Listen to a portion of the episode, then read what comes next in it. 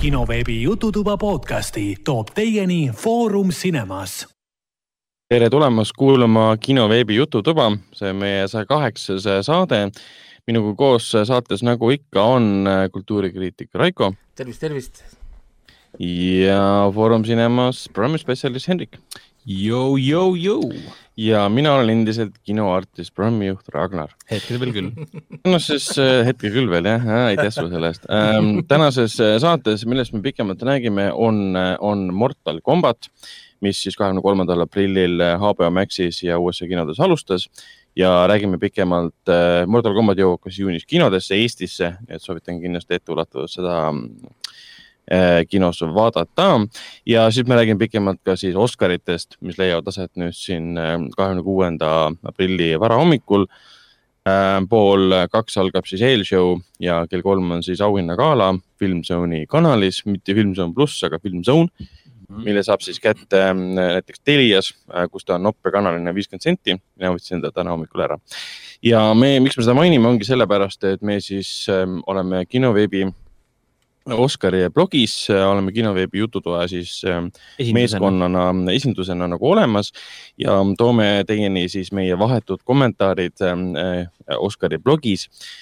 kõik need sündmused, mis aset leiavad selles kõige veidramas uuenduslikumas, võib-olla uuenduslikumas te,, iga, igastahes väga teistsuguses ähm, auhinnagalas mm, -hmm. kus on palju, palju maski kandmist, võib-olla. ei ole ju maski kandmist. Nad just ütlesid, et keegi maski ei kanna, mitte ühtegi maski ja. ei, ei kanta kaamera ees ja me ei näe ühtegi maski. kõikidelt on võetud need koroonatestid, peab olema negatiivsed ja, ja. siis me näeme hajutatust palju. ja, ja, ja need, kes on kaamera taga, siis need peavad, kannavad maski. vähemalt niimoodi nad on ametlikult välja öelnud. jah ja õhtujuhtu endiselt seal ei ole ja väga paljud siis show'd, show osa nagu siis esinemised ja mis asjad on kõik siis ette salvestatud, neid näidatakse nagu ülekandena siis. vot, sellest räägime natuke pikemalt, millest me saame veel pikemalt rääkida, on kommentaarid, mis meile jäeti siis koos kaheteistkümnenda kuulajate mängu vastustega enne kui me ise nagu mängu vastustaja ja võitjate juurde jõuame, siis mainingi ära, et äh, Mardu kirjutas meile äh, seoses eelmise mänguga, mille võitis põhimõtteliselt Raiko tänu sellele, et mitte keegi vastanud ühtegi vastust õigesti. Mardu kirjutas meile siis niimoodi. õnnitlused Raikole eelmise mängu võidu puhul. lisaks leidsin seriaali, mida asusin vaatama, Boston Legal. see oli siis üks neist vastustest, mida keegi ära ei tabanud. kahe, kahekordne töövõit kahekordne töövõit tõesti ja ah,. ma seda mainiksin ka, et äh, Mordo, kes on meie Ameerika kuulaja, siis äh, äh, ta võiks meile teada anda, kas, kas tema kavatseb ka siis, kas tema kandis on võimalik kinos Mortal Combatit vaadata või mitte ja kas ta kavatseb seda teha? 3D-s ka. 3D-s väidetavalt ka, nii et oleks tore kuulda, mis sorti elu seal kinomaastikul käib ka. jah, täpselt nii, me teame, et loetud kinodes filmilinastus, aga kus ja kui palju ja kas sinu läheduses ka oleks tore kuulda. Argo kirjutas meile, Argo kirjutas, et aga mõelge nüüd mehed, kui, kui on suurte tähtedega, ma peaks ükskord kuulajate mängu võitma, kuhu ma siis kinno lähen, kui legendaarne ekraan oma uksi enam ei ava? Äh, kallis Argo, me üldse ei kahtle selles, et sa ühel hetkel ikkagi võidad ära, sa oled väga järjekindel ja väga tubli olnud selles suhtes, et me aplodeerime sulle. Äh, aga nagu ka Foorum Cinemas avalikult Eesti meedias ütles, siis meil ei ole mingit kavatsust vähemalt hetkeseisuga lahkuda Tartu kinoturult nii et siis, kui äh, muru on rohelisem ja taevas sinisem, eks siis anname teada, mis tulevik toob mm. -hmm. aga õnneks saab kõiki Foorum Cinemas kinkipileteid mida me ka siin saates, kuulame, kuulete mängu saates välja, auhinnana välja jagame, saab kasutada kõikides Foorumis inimeste kinodes, nii, nii Viljandis kui ka äh, Tallinnas. täpselt nii Äh, liigume viimase kommentaari juurde, mis seostub siis kaheteistkümnenda kuulaja mängu ühe vastusega, äh, milleks oli etteulatuvalt, enne kui liigume kõikide vastuste juurde, The Wire, kus siis Villu kommenteeris niimoodi. konkreetne lugu võiks olla esimese hooaja esitus, mis noh, vastaski tõele. Äh, sama lugu kasutati läbi kõikide hooaegade, aga erinevate esitajate esitluses. The Wire ongi viimatine, mis alles nüüd silma alla sattus ning mida sai algusest lõpuni vaadatud ja peab kiitusega nõustuma on tõesti hea vaatamine, nagu osalised ise nimetasid poliisingust. Saab asj, saab head asja küll äh, ilma liialdatud kummivilistamise neidudeta, kes libistavad oma tahvelarvutites ulme datat ajast ja ruumist hoolimata ja ilma kuulikindlate diivanite tulistamiseta.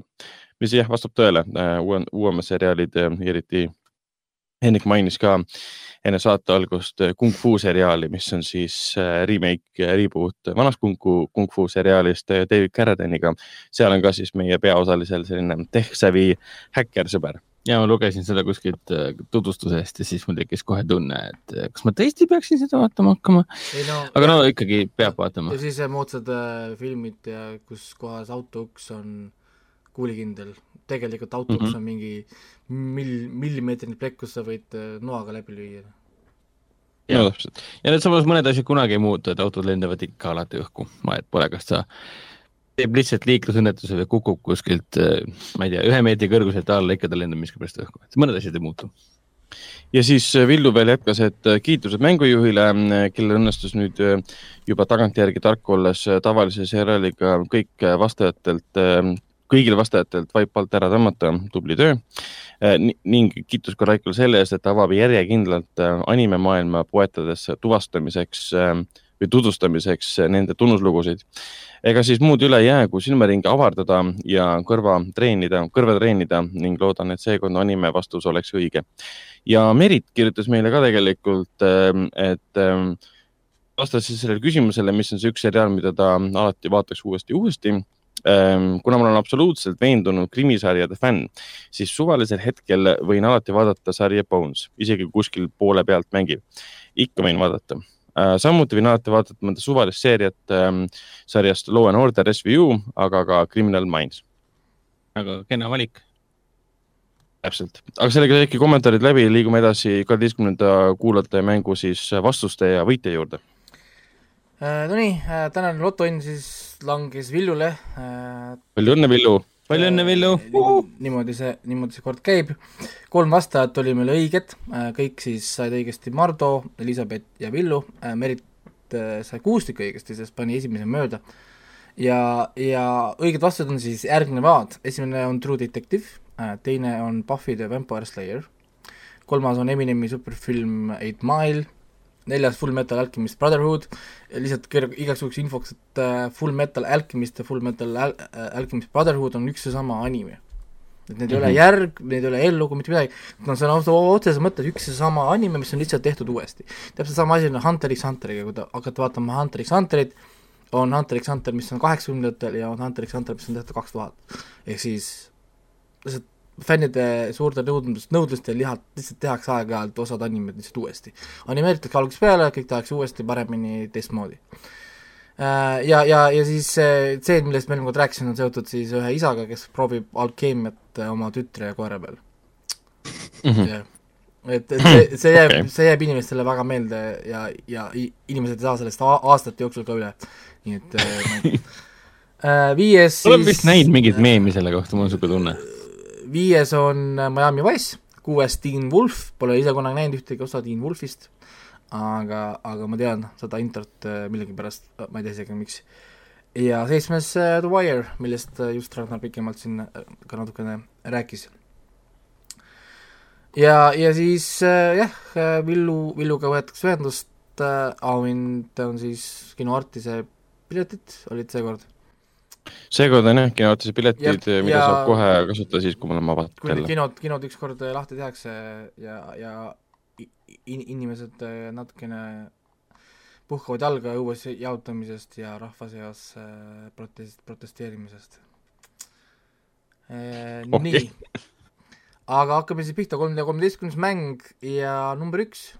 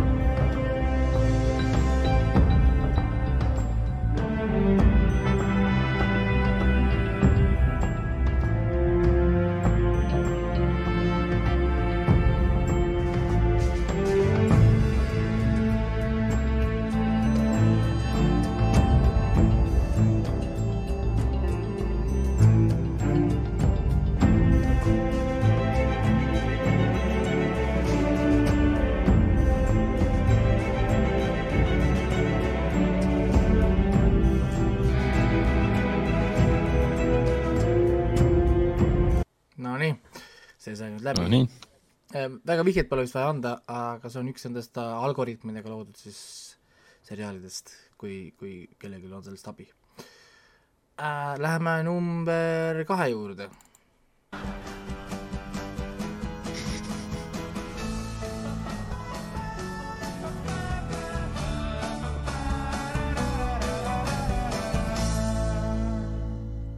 lühike, kuid äh, väga meeldejääv populaarne äh, järg peagi tulemas äh, ja liigume kohe number kolme juurde.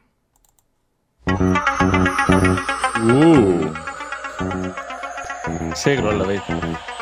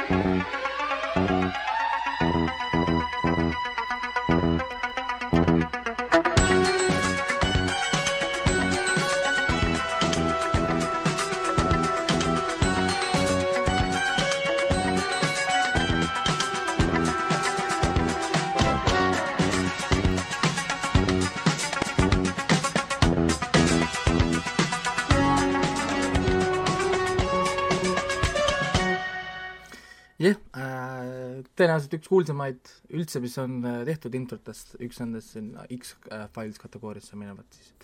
absoluutselt nõus. see on, Ja- kui seda ära ei tunne, siis, siis me ei tea, mis sinust ja liigume edasi number nelja What juurde, minu, minu siis äh, välimuselt siis äh, väga sarnase asja juurde. mm.. okei. aa, okei, jah.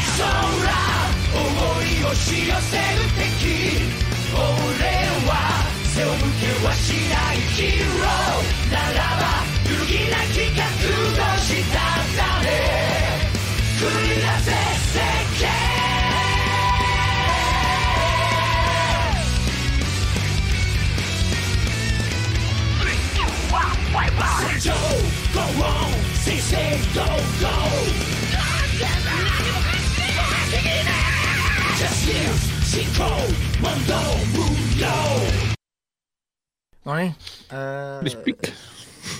nii, nii nagu see selles žanris käib, üheksakümmend sekundit. jah, on. nii äh,, liigume edasi, mis on number äh, viis, peaks olema. Got a secret, can you keep it? Swear this one you'll save. Better lock it in taking this one to the grave. If I show you, then I know you won't tell what I said. Cause two can keep a secret if one of them is dead. Nonii, okei, see oli põnev. et äh, jah, kui meestel on äh, probleemi selle väljamõtlemiseks, küsige naiste käest. nii Okei, ma kohe helistan. äh,. number kuus, aa, jah. aa,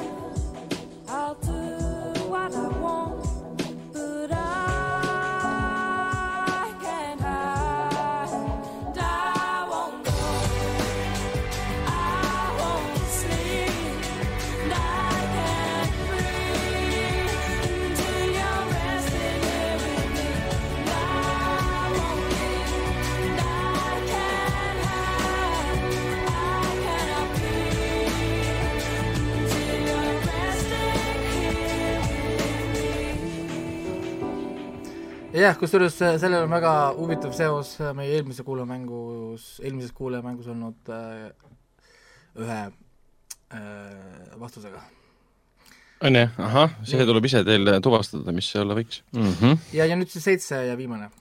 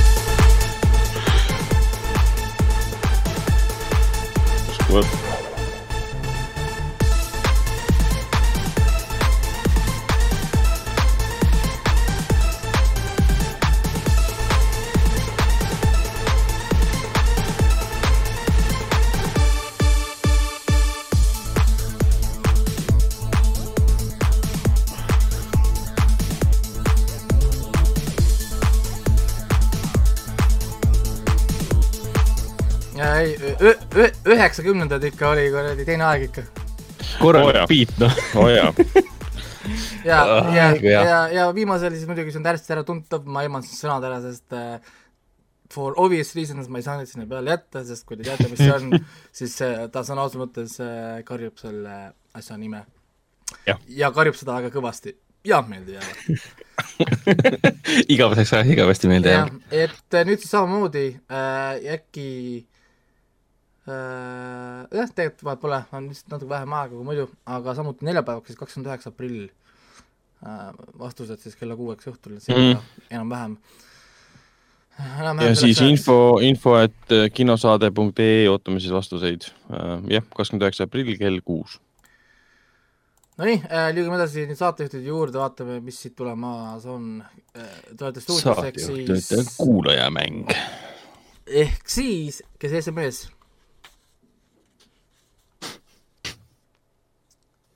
nii äh,, ma vaatan nüüd äh, teie teist kaamerast, et ma näeks, kes ütleb enne mida ja läheb peale.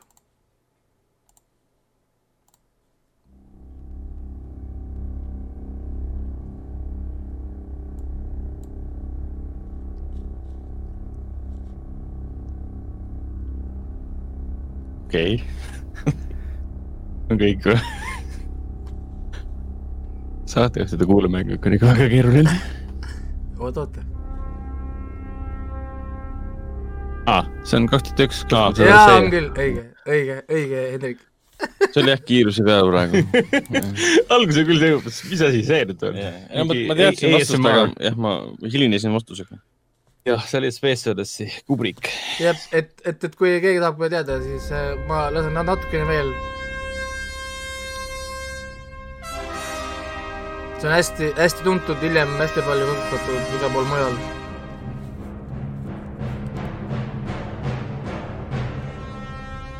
ja kusjuures see film on tä- täna ikka veel nii hea.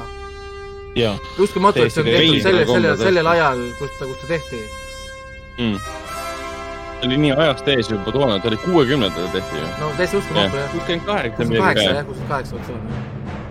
issand, ma panin õigesti numbri või? käisime Escape saalis seda ju vaatamas ka see kinoklassika on. täiesti uskumatu, et, et vaatad seda filmi, iTunes. seda mingit versiooni. kõik on nii ilus, täiesti, ta võiks Mm. olla täna tehtud film. müstiline, absoluutselt. müstiline. aga järgmine, kes SMS? mingi Miami Wise või? ise oled Miami Wise. see on mingi Austin Powers või mina ei tea, mis see on. Austin Powers või? see on see tuntud laul jah, aga ma tean seda laulu jah. ei tea, mis sarja või filmiga see peaks Bruce seostuma. Almighty või? või see on Spider-man kolm või? ei ole. see on väga, ikka tagasi, me läheme ajas ikka tagasi. aa, filmis, kus on see tseen ja see muusika. ei, see oli sealt, ta tuli, ta tuli sellest filmist. Saturday Night äh, Fever või et seegi, aa, Night. aa Travolta asjast. Jaa, Travolta tantsufilm, jaa. Travolta ja see alguses tseen, kus ta kõnnib mööda tänavat. jaa, jaa, õigesti tuleb meelde. kurat, sellest filmist on mul meeles ainult see, kus ta on seal plakati peal niimoodi. noor, ma sain lõpuks punkti. mis see seis on üldse? ka praegu on kakskümmend kolm koma viis, kakskümmend kolm. Mina olen- kaotusseisus või? sa oled Ei, poole sina juhid., poole aga punkti mina. juhin okei. jah, Nonii, järgmine, kes on, kes on kiirem Nice. Pange valmis oma mõistus, sest see peaks olema sekundite küsimus. Brooklyn Nine-Nine. Ragnar sai, sai kurat küll. see oli hea, täispunkti praegu või? sa juhid siis? ma juhin nüüd jah, ta läks mööda. miks sa, miks sa spoilerdasid ära, et see on, see on sekundi peale? eelmine oli ka. Nonii, ja no nüüd, päris ei olnud. Ja nüüd on neljas. Bones või? ei ole Bones. House või? ei Jah. ole House, House on Massive Attack.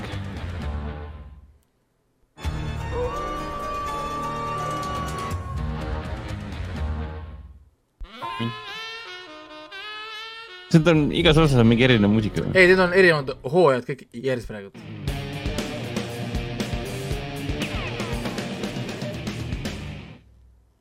Esimene oli küll tuttav.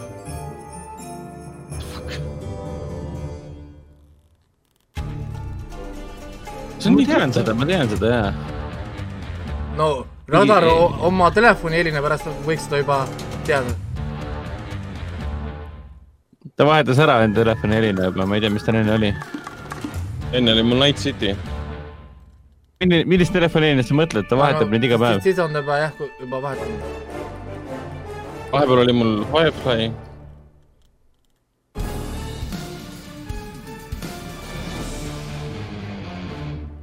no see ei ole ju mingi Josh Whedoni asi. ei ole ju.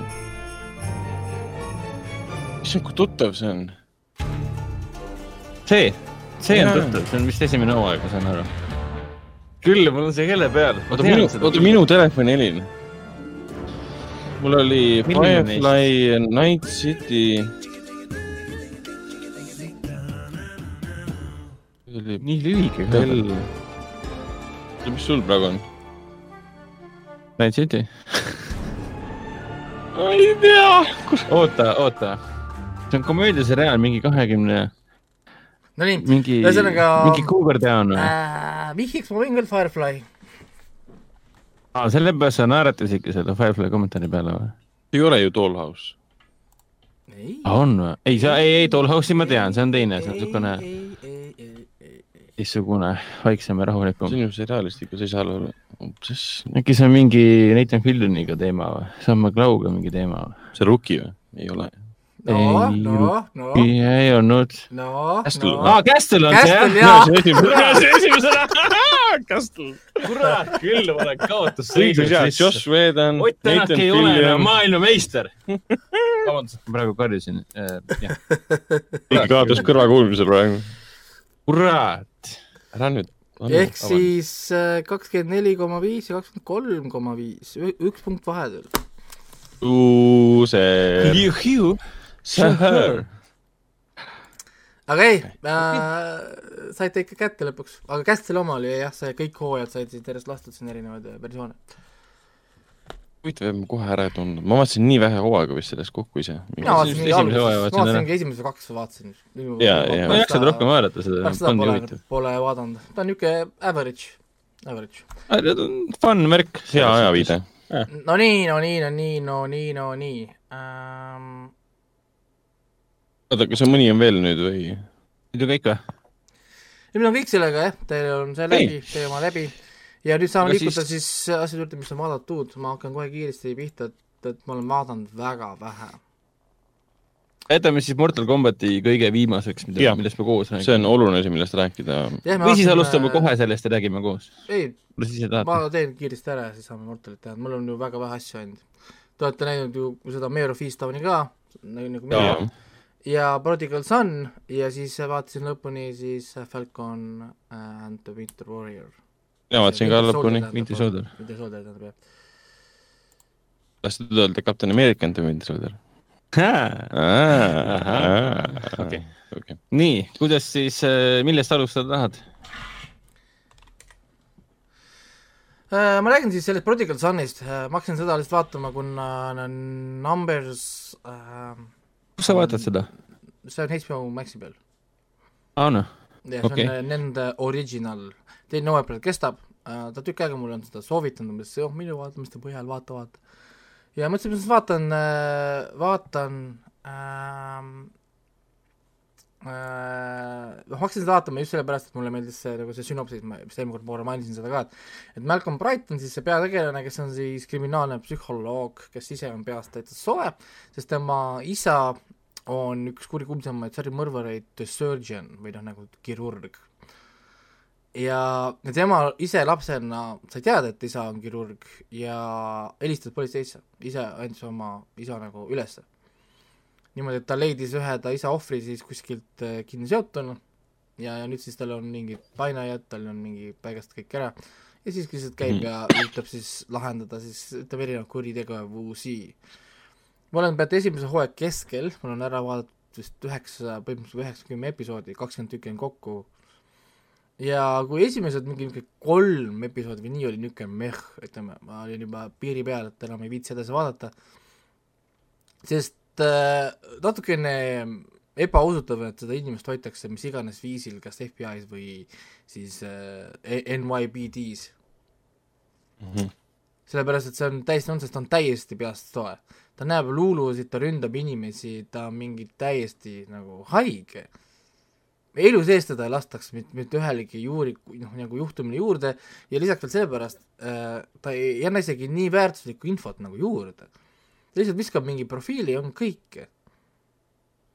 selles mõttes, et noh, see ei ole umbes, et ta on nagu mingi house või, või mingi Sherlock Holmes, et, et umbes, et ta lahendab sul selle mingi ühe vaatamisega ära umbes ja siis sellepärast sa ka talud seda mingi noh, seda negatiivset poolt vaata. et, et tema nagu panus ei ole üldse minu arust nagu nii suur, väga väike panus on tihtipeale, ta lihtsalt ütleb mingi asja ja siis ma ei tea, äkki on õige noh, mis enamasti ka ei ole õige noh, nagu ma ei tea. aga siis äh, neljandas või kuskil viiendas, ühesõnaga kuskil sealkandis äh, tuleb üks sarimõrvar, sekkub sellesse äh, põhiloosse, kes on seotud siis tema enda lapsepõlvega ja tema isaga, kes oli siis tema isa mentor. tähendab, mentor, isa, tähendab tema isa oli sellel uuel sarimõrvarile mentoriks. Mhm. ja siis hakkab niisugune nagu põnevam niisugune kasiiremäng, mis siis nagu liigub nüüd episoodist episoodi, episoodi, noh nagu nüüd on nagu mingi niisugune nagu siduv story või niisugune asi, noh nagu. ja, ja siis selle taustal, kui nad tegelevad selle main story'ga või selle põhisarimõrvariga, nad lahendavad ka muid juhtumeid nagu. et, et ma hetkel vaatan nagu edasi, aga jah, ta ei ole küll nagu nii hea, kui ma nagu ootasin, ma veitsa mõtlesin nagu, mõtlesin nagu rohkem midagi, ma ei tea, ma isegi ei tea, mida ma ootasin põnevam või kuidagi, aga praegu see peategelane on küll, ta on, on, on, tal ei ole nagu seda väärtust, ma ei, miks seda peab sul hoidma, ma ei kujuta ette, miks inimesed teda hoiavad, kui ta on täiesti peast või. Mhm. ja, ja, ja teine hooaeg on praegu pooleli, et noh, ma nüüd vaikselt vaatan seda niimoodi jooksvalt, et lihtsalt enda meelelahutuseks, et et sellega midagi muud nagu ei tule.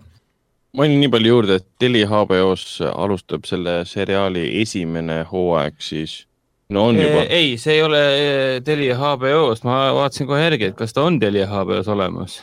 Aga, aga ma vaatan, et eh, Kanal kaksteist hakkab seda Aa. näitama nüüd esmaspäevast, no hilisõhtuti. väga hea. iga, iga päev järjest näitab ühe episoodi ära. väga hea ajastus ju sellisel juhul. ja ongi mm., ja siis jälle HBO Max, põhimõtteliselt kõik asjad, mis mul põhimõtteliselt on praegu, on äh, enam-vähem HBO Max uh,. Mayor of Easttown uh,, esimene episood oli mis sa nüüd ütlesid ka Telia HBO. oli Jah, Telia HBO-ga. mis nimega ta seal on uh, selles Telia? Eastoni mare. meer. on või? jah, Eastwoodi mare, et eesti keeles on ju meer on mare, nii et. nojah, see on mare. peategelase nimi on Meer Mare- Mare. ehk siis Mare. mare, nii hea lihtsalt. ilus eesti nimi. Eastoni mare Aa,, kuule. okei. eestikeelsed pealkirjad on, on, on äh, alati naljakad. aga jah, see esimene episood oli ära äh,, HBO siis uus sari, peaosas Kate Winslet, see on äh, Brad Ing-, Inglesby või kuidas ta nimi on? Ingelsby, jah, On ma ütlesin õige. Inglesby, jah äh,. sari äh, ja Kate Winslet on siis peategelane esimene episood on väga tutvustav, tutvustab karakterid, linna, sätib üles atmosfääri ja esimese episoodi mm. -hmm. lõpus on mõrv, mis tegelikult on sünopsis mm -hmm. see olemas, et nad hakkavad seda mõrva nüüd lahendama. me õpime tundma karaktereid, kes on, kes, kes on, ühesõnaga väike linn, kõik teavad kõike, nagu me noh, nagu näeme ähm,. ma ei oska öelda, esimene episood oli väga niisugune veider ja aeglane, aga sa vaatasid seda millegipärast väga suure huviga. et, et siin ei Jaa. olnud nagu, siin ei olnud midagi Nõus. nagu väga kütkestavat, aga sa vaatasid ikkagist nagu, oh, kuhu see nagu läheb, aeg läks päris kiiresti, karakterid on tegelikult nagu kihvtid ja ma tegelikult tõesti tahan Mm. näha, kuidas, kuidas see Mare hakkab siis äh, seda, seda mõrva nagu lahendama. ja, ja eelmine episood on homme äh, mingi hetk siis, või noh, tegelikult esmaspäeval, sest äh, ta tuleb kell kuus õhtul Ameerika siis äh, lääne ranniku mm. -hmm. järgi, ehk siis meie järgi kell äh, öösel. ehk siis esmaspäeviti saab Telia HBO-st seda vaadata. ma tahtsin Jah. mingi päeva teises pooles jah. midagi sellist vist jah.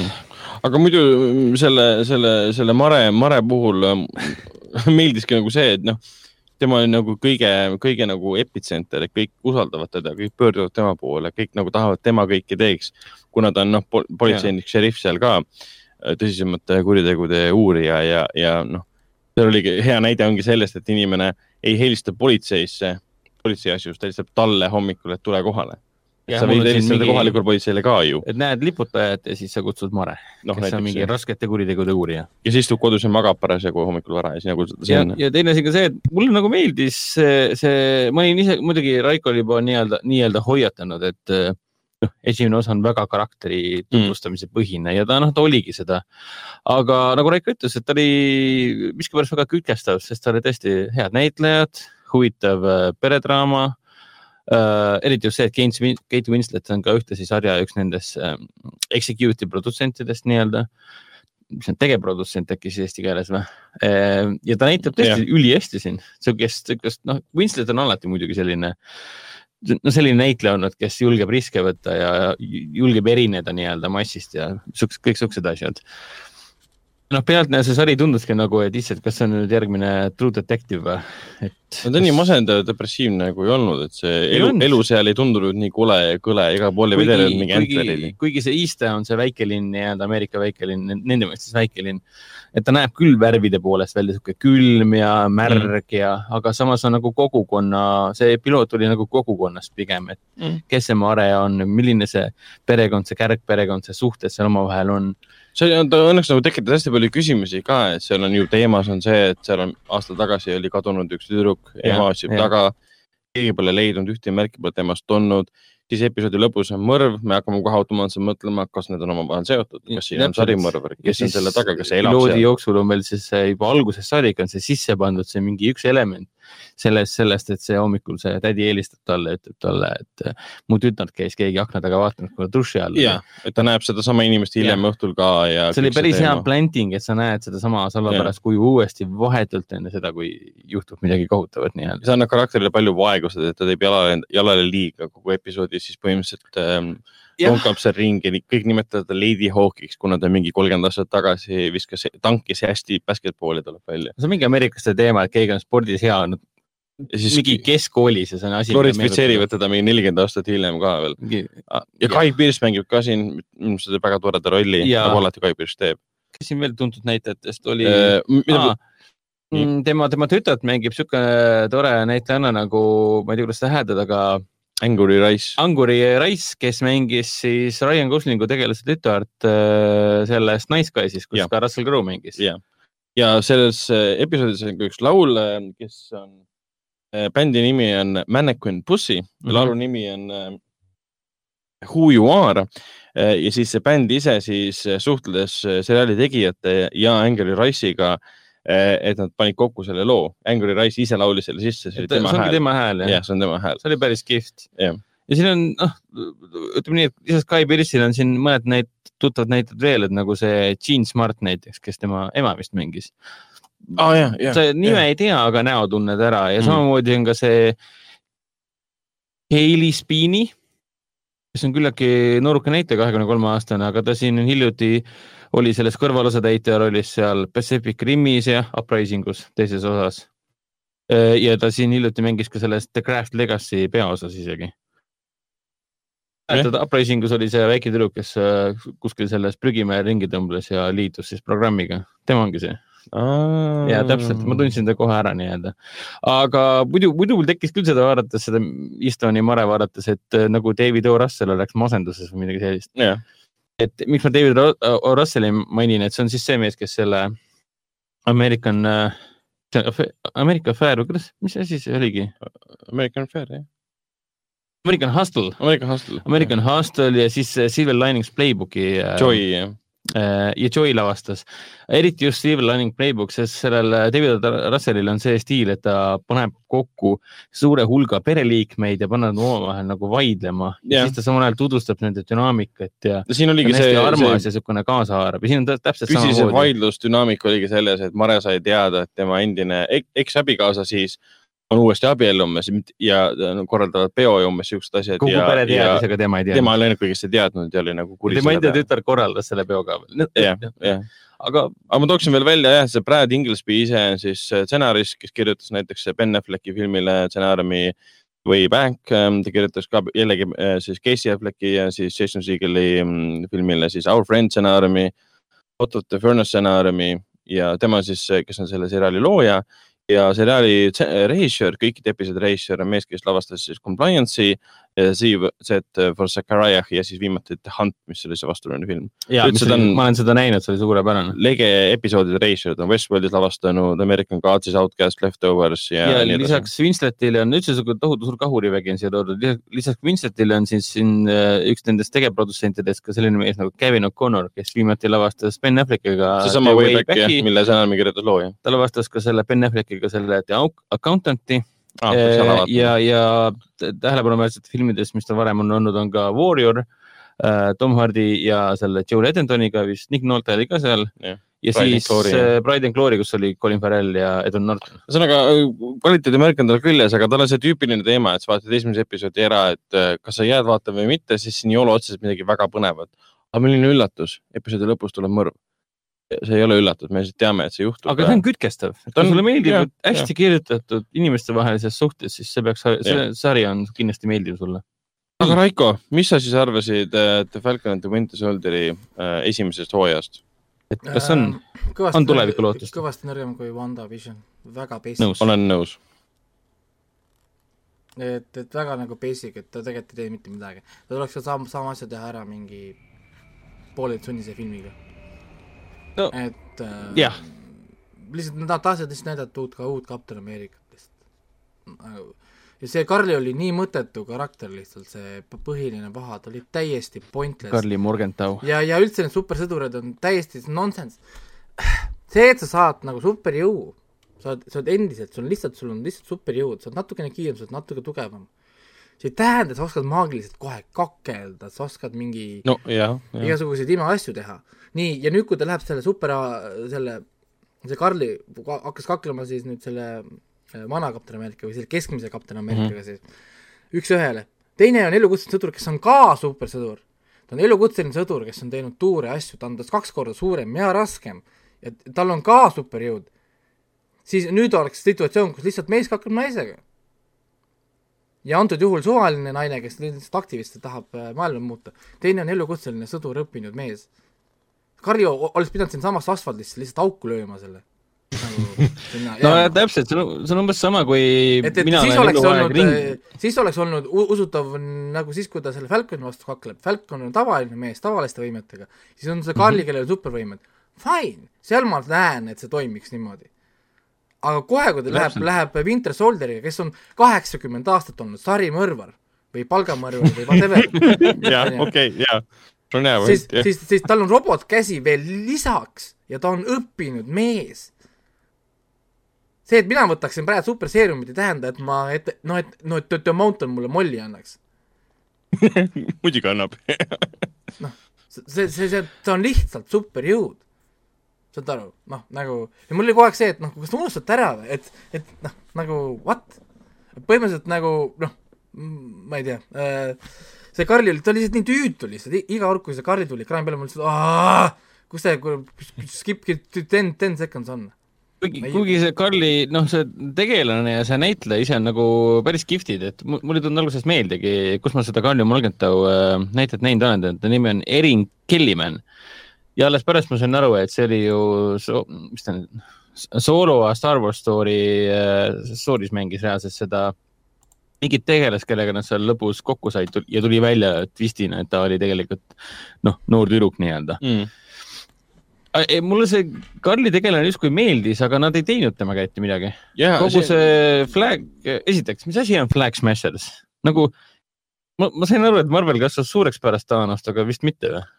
Ma saan aru, et koomikside puhang, mis asi on Flag ja, aga ma saan nagu, ma saan, mul oli lõpuni välja tekkis nii palju küsimusi selle, selle organisatsiooniga ka seoses, et mille vastu nad siis võitlevad. et nad kogu aeg nagu esitasid lauseid, mille vastu nad võitlevad. aga see, noh, selles mõttes see seriaal ise ei täpsustanud täpselt, no me ei näinud seda. millega see GRC siis tegelikult selle nagu kõik ära teenis, et me nägime nii palju nende vaatevinklist asju, aga me ei näinud nagu maailma vaatevinklist mitte midagi. Meile öeldi, et nad on pahad, aga sa ütlesid meile pahad inimesed, et nad on pahad no.. nojah, täpselt, siin sar-, minu, mina tundsin seda, et siin sarjas äh, see ehitati üles ainult sellele, et äh, Falcon ja Winter Soldier on semud ja nad teevad seda konstantset Mm. sellist jutuvad omavahel. saaks anda põhjuse, et sa annad, annad üle selle mantli, ja, noh, kilbi antud juhul siis., ja siis see John Walkeri teema, et see, need, need kolm asja et- või noh, kaks asja nii-öelda partnerlus Mm. partnerlus ja siis vastandumine John Walkeriga äh, ehk siis uue Captain Americaga, need olid täiesti kenasti läbimõeldud selles suhtes. ja nüüd me saime teada, miks, miks tehti see hooaeg tegelikult, see tehti sissejuhatuseks järgmisele Captain America filmile, Sest selle seriaali selle seriaali looja sai nüüd Marvelilt äh, ülesande äh, kirjutada valmis äh, või lavastada ka isegi siis äh, Captain America neli. küsimus, et äh, noh, Steve Rogersit nagu ei ole, aga on uus Captain America. aa, need on need kolm filmi olnud, aa on jaa. jah yeah,, need on kolm filmi. Winter Soldier oli teine, siis oli Civil War. jah, täpselt. et noh, selle seriaali, ma olen ikkagi nõus selles mõttes, siin oli palju ebaloogikat. võitlused ei kandnud minu silmis kunagi, välja arvatud siis, kui John Walker ja, ja siis ähm, see Fo- Falcon ja siis Winter Soldier omavahel kaklesid. aga mulle meeldisid nagu selle seriaali nagu need vaiksemad hetked. Kasvõi see eelviimane episood, kus nad veetsid aega seal seda paati ehitades ja juttu ajades mm. -hmm. ja mulle nagu selle, selle, selle Paki äh, karakteri, karakteri nagu kaar mulle sobis. saime teada, mis tunne oli tal see üle saada sellest, sellest hüdra hüpnoosist, et ta, noh, tuli nagu, leppis sellega, mida ta on teinud, on tapnud süütuid inimesi, et ta soovib andeks saada. mulle meeldis see, et Falcon käis talle peale, et sa ei saa lihtsalt minna inimese juurde ja öelda, et sorry, ma tapsin su isa. Sa pead, sinu teod peavad seda ju tegelikult kuidagi edasi viima, et sa ei saa lihtsalt öelda, et vabandust ja lähed istu- istud No edasi jah, oma kurbuses. tema ja see Siimo teema ja jah, et see Siimo teema, Doja, Doja, Doja, Dora Milaje teema, see mulle meeldis kõige rohkem, kõik see Flash Mash'i teema jättis väga külmaks. ma olen täiesti veendunud või noh, mina olen täiesti kindel selles, et miks Smashers äh, versus äh, no ma ei tea, USA või jah, ütleme niimoodi siis ei, ei toiminud äh, või siis nagu teisejärgused tasujad versus äkki või niipidi võib öelda miks ta ei toiminud, oli sellepärast, et äh, kuidagi hambutu oli see kõik. et on, et, näha, et Marvel tahab justkui nagu, nagu öelda miskit nagu päeva poliitilise suhtes, mis puudutab immigratsiooni ja ümber inimeste äh, nii-öelda, põhimõtteliselt immigratsiooni teemat üldse puudutas tegelikult ju. Mis yeah., mis saab, juhtub siis, kui keegi on võtnud sinu koha, kolib sisse või siis tahab äh, põgeneda sealt, kus enam elada ei saa ja nii edasi. aga ma ei tea, siin sarjas ei olnud seda teravust nii-öelda, et nad No- nad, nad tõid need teemad välja, aga ainult selleks, et näidata, et need on siin, aga nad ei teinud nagu mitte midagi. nojah, üks põhiteemadest, võimalikult erapooletuks, et mitte midagi öelda tegelikult. üks põhiteemast oligi, oligi siis see mustanahalise Captain America teema. No, jah, et, et oli olemas, oli olemas mustanahaline Captain America, spoilerid siis ja, ja siis sellest Falconist tegelikult saigi nagu, nagu me spoilerdame natukene siis seda hooaega nüüd. Falconist, see ei ole spoiler, me teadsime, see juhtub, come on. issand jumal, et temast siis saabki nagu järgmine Captain America ja ta on mustanahaline ja see, see asi ei ole, et mina tooksin selle välja, see on seriaalis mitu korda välja toodud ja sellel põhineb väga pikk kõne ka kus ta toob selle välja, et ta on mustanahaline ja pool maailma või pool Ameerikat teda vihkab selle eest, ta toob selle välja konstantselt. aga mind häirib see, et äh, sul on, see on filmikunst, see on teleseriaali kunst. miks te ei, ei, ei näita siis seda? jah, seda on visuaalselt. miks on niimoodi, et me kogu seriaali aja jooksul, me, meile kaks korda räägitakse sellest, et äh, Ameerika ei aktsepteeri mitte kunagi mustanahalist Captain Ameerikat. seda ütleb üksteise, üks, üks tegelane teisele mm.? ja lõpus on siis suur kõne ka samal teemal. Aga me ei näe seda mitte aktsepteerimist. aga kuidas mina peaksin seda aru saama, et kas, kas me räägime siis publikuga või, et kas, kes, kes ei aktsepteeri teda siis, publik või? no kuna selle maailma inimeste reaktsioon sellele, et ta on mustanahaline Captain America ei olnud, siis ta No. rääkis publikuga, siis ta rääkis nende inimestega, kes istuvad kodus vaatavad mind häirib ka see, kui mingid sarjad hakkavad äh, seda, seda imelikku asja tegema, et nad kommenteerivad tänapäeva, eks. aga, aga nad ei pane seda seriaali või filmi sisse, sellepärast et see on juba olemas, narratiivina olemas praegu meie Jah, ümber nii-öelda. ja siis mina peaksin aktsepteerima, et selles fantaasia reaalsuses äh, on see, on see nagu täiesti mõistetav mm.. minu jaoks oligi see nagu arusaamatu, et kui, kui need Flagsmasherid räägivad, et äh, mis on meie eesmärk, me peame võitlema, siis mul tekkis kogu aeg küsimus, et oota, aga kes teie vastane siis on, kuidas teile halba on tehtud, miks te elate Lätis nagu mingi getos, et nagu päriselt või? nagu usutavusega Ta oli jäi- väga-väga palju ta probleeme. jäi üldiseks, seal, seal piisas nagu sellest, et need inimesed suruti siia elama, nende poolt järelikult nad on pahad, lähme edasi. ja teine küsimus on see, et kas tõesti viiest aastast piisab või? et Oh, nagu getostuda või? ühesõnaga kokkuvõttes jah, ma olen ikkagi Raikoga jah nõus, et ähm, et WandaVisioniga ikka nähti ikka kurja vaeva, et see asi korralikult ja õnneks, õnneks tuleb nüüd ju Loki kohe nüüd üksteist juuni või millal see tuleb otsa äh,. mais ei tulegi või? ei, ei tule Ah, mais okay. ja Loki on jälle veider seriaal, ta on täiesti harjumuspäratu jälle, kuna see lugu on nii veider jälle seal, siis, tundub, et siis, nad panustavadki sellele. aga liigume edasi äh,. või Raiko tahab veel viimased sõnad öelda kapten Me-, Falconi ja Winter Soldieri kohta. eks ta midagi, ta ikka, see oli selline rasti sõnum ja mustad, mustad nahalised niisugune ma ei tea, vabadusvõitlus seal muude asja taustal nagu, ma ei oska öelda, mis Mm. mis, mis värk nagu sellega oli. et äh, idee ka umbes, et keegi ei lase mustanahalisel kunagi olla Captain America on absurdne. Neil on olnud seal mustanahalised presidendid ja kõik suured staarid on Ameerikas on mustanahalised. no jah, täpselt nagu. seal oli nii palju niisuguseid asju, mis oli nagu nonsense ja ma ei saanud aru, mis selle nagu point oli, niisugune veider aeglaselt liikuv sari. WandaVision ikkagi, ma räägin tagantjärgi, muutub ainult paremaks ja ma loodan, et see. Loki, loodan, et see Loki nagu, nagu noh, ütleme, ei jätka seda Winter, Winter Soldieri teed. aga no õnneks, pigem jätkab Wanda teed. et õnneks me saime ikkagist äh, Semmo äh, Reivi videot Jah. yeah.. see on kõige see olulisem. kõige tähtsam osa, mis me sellest sarjast saime.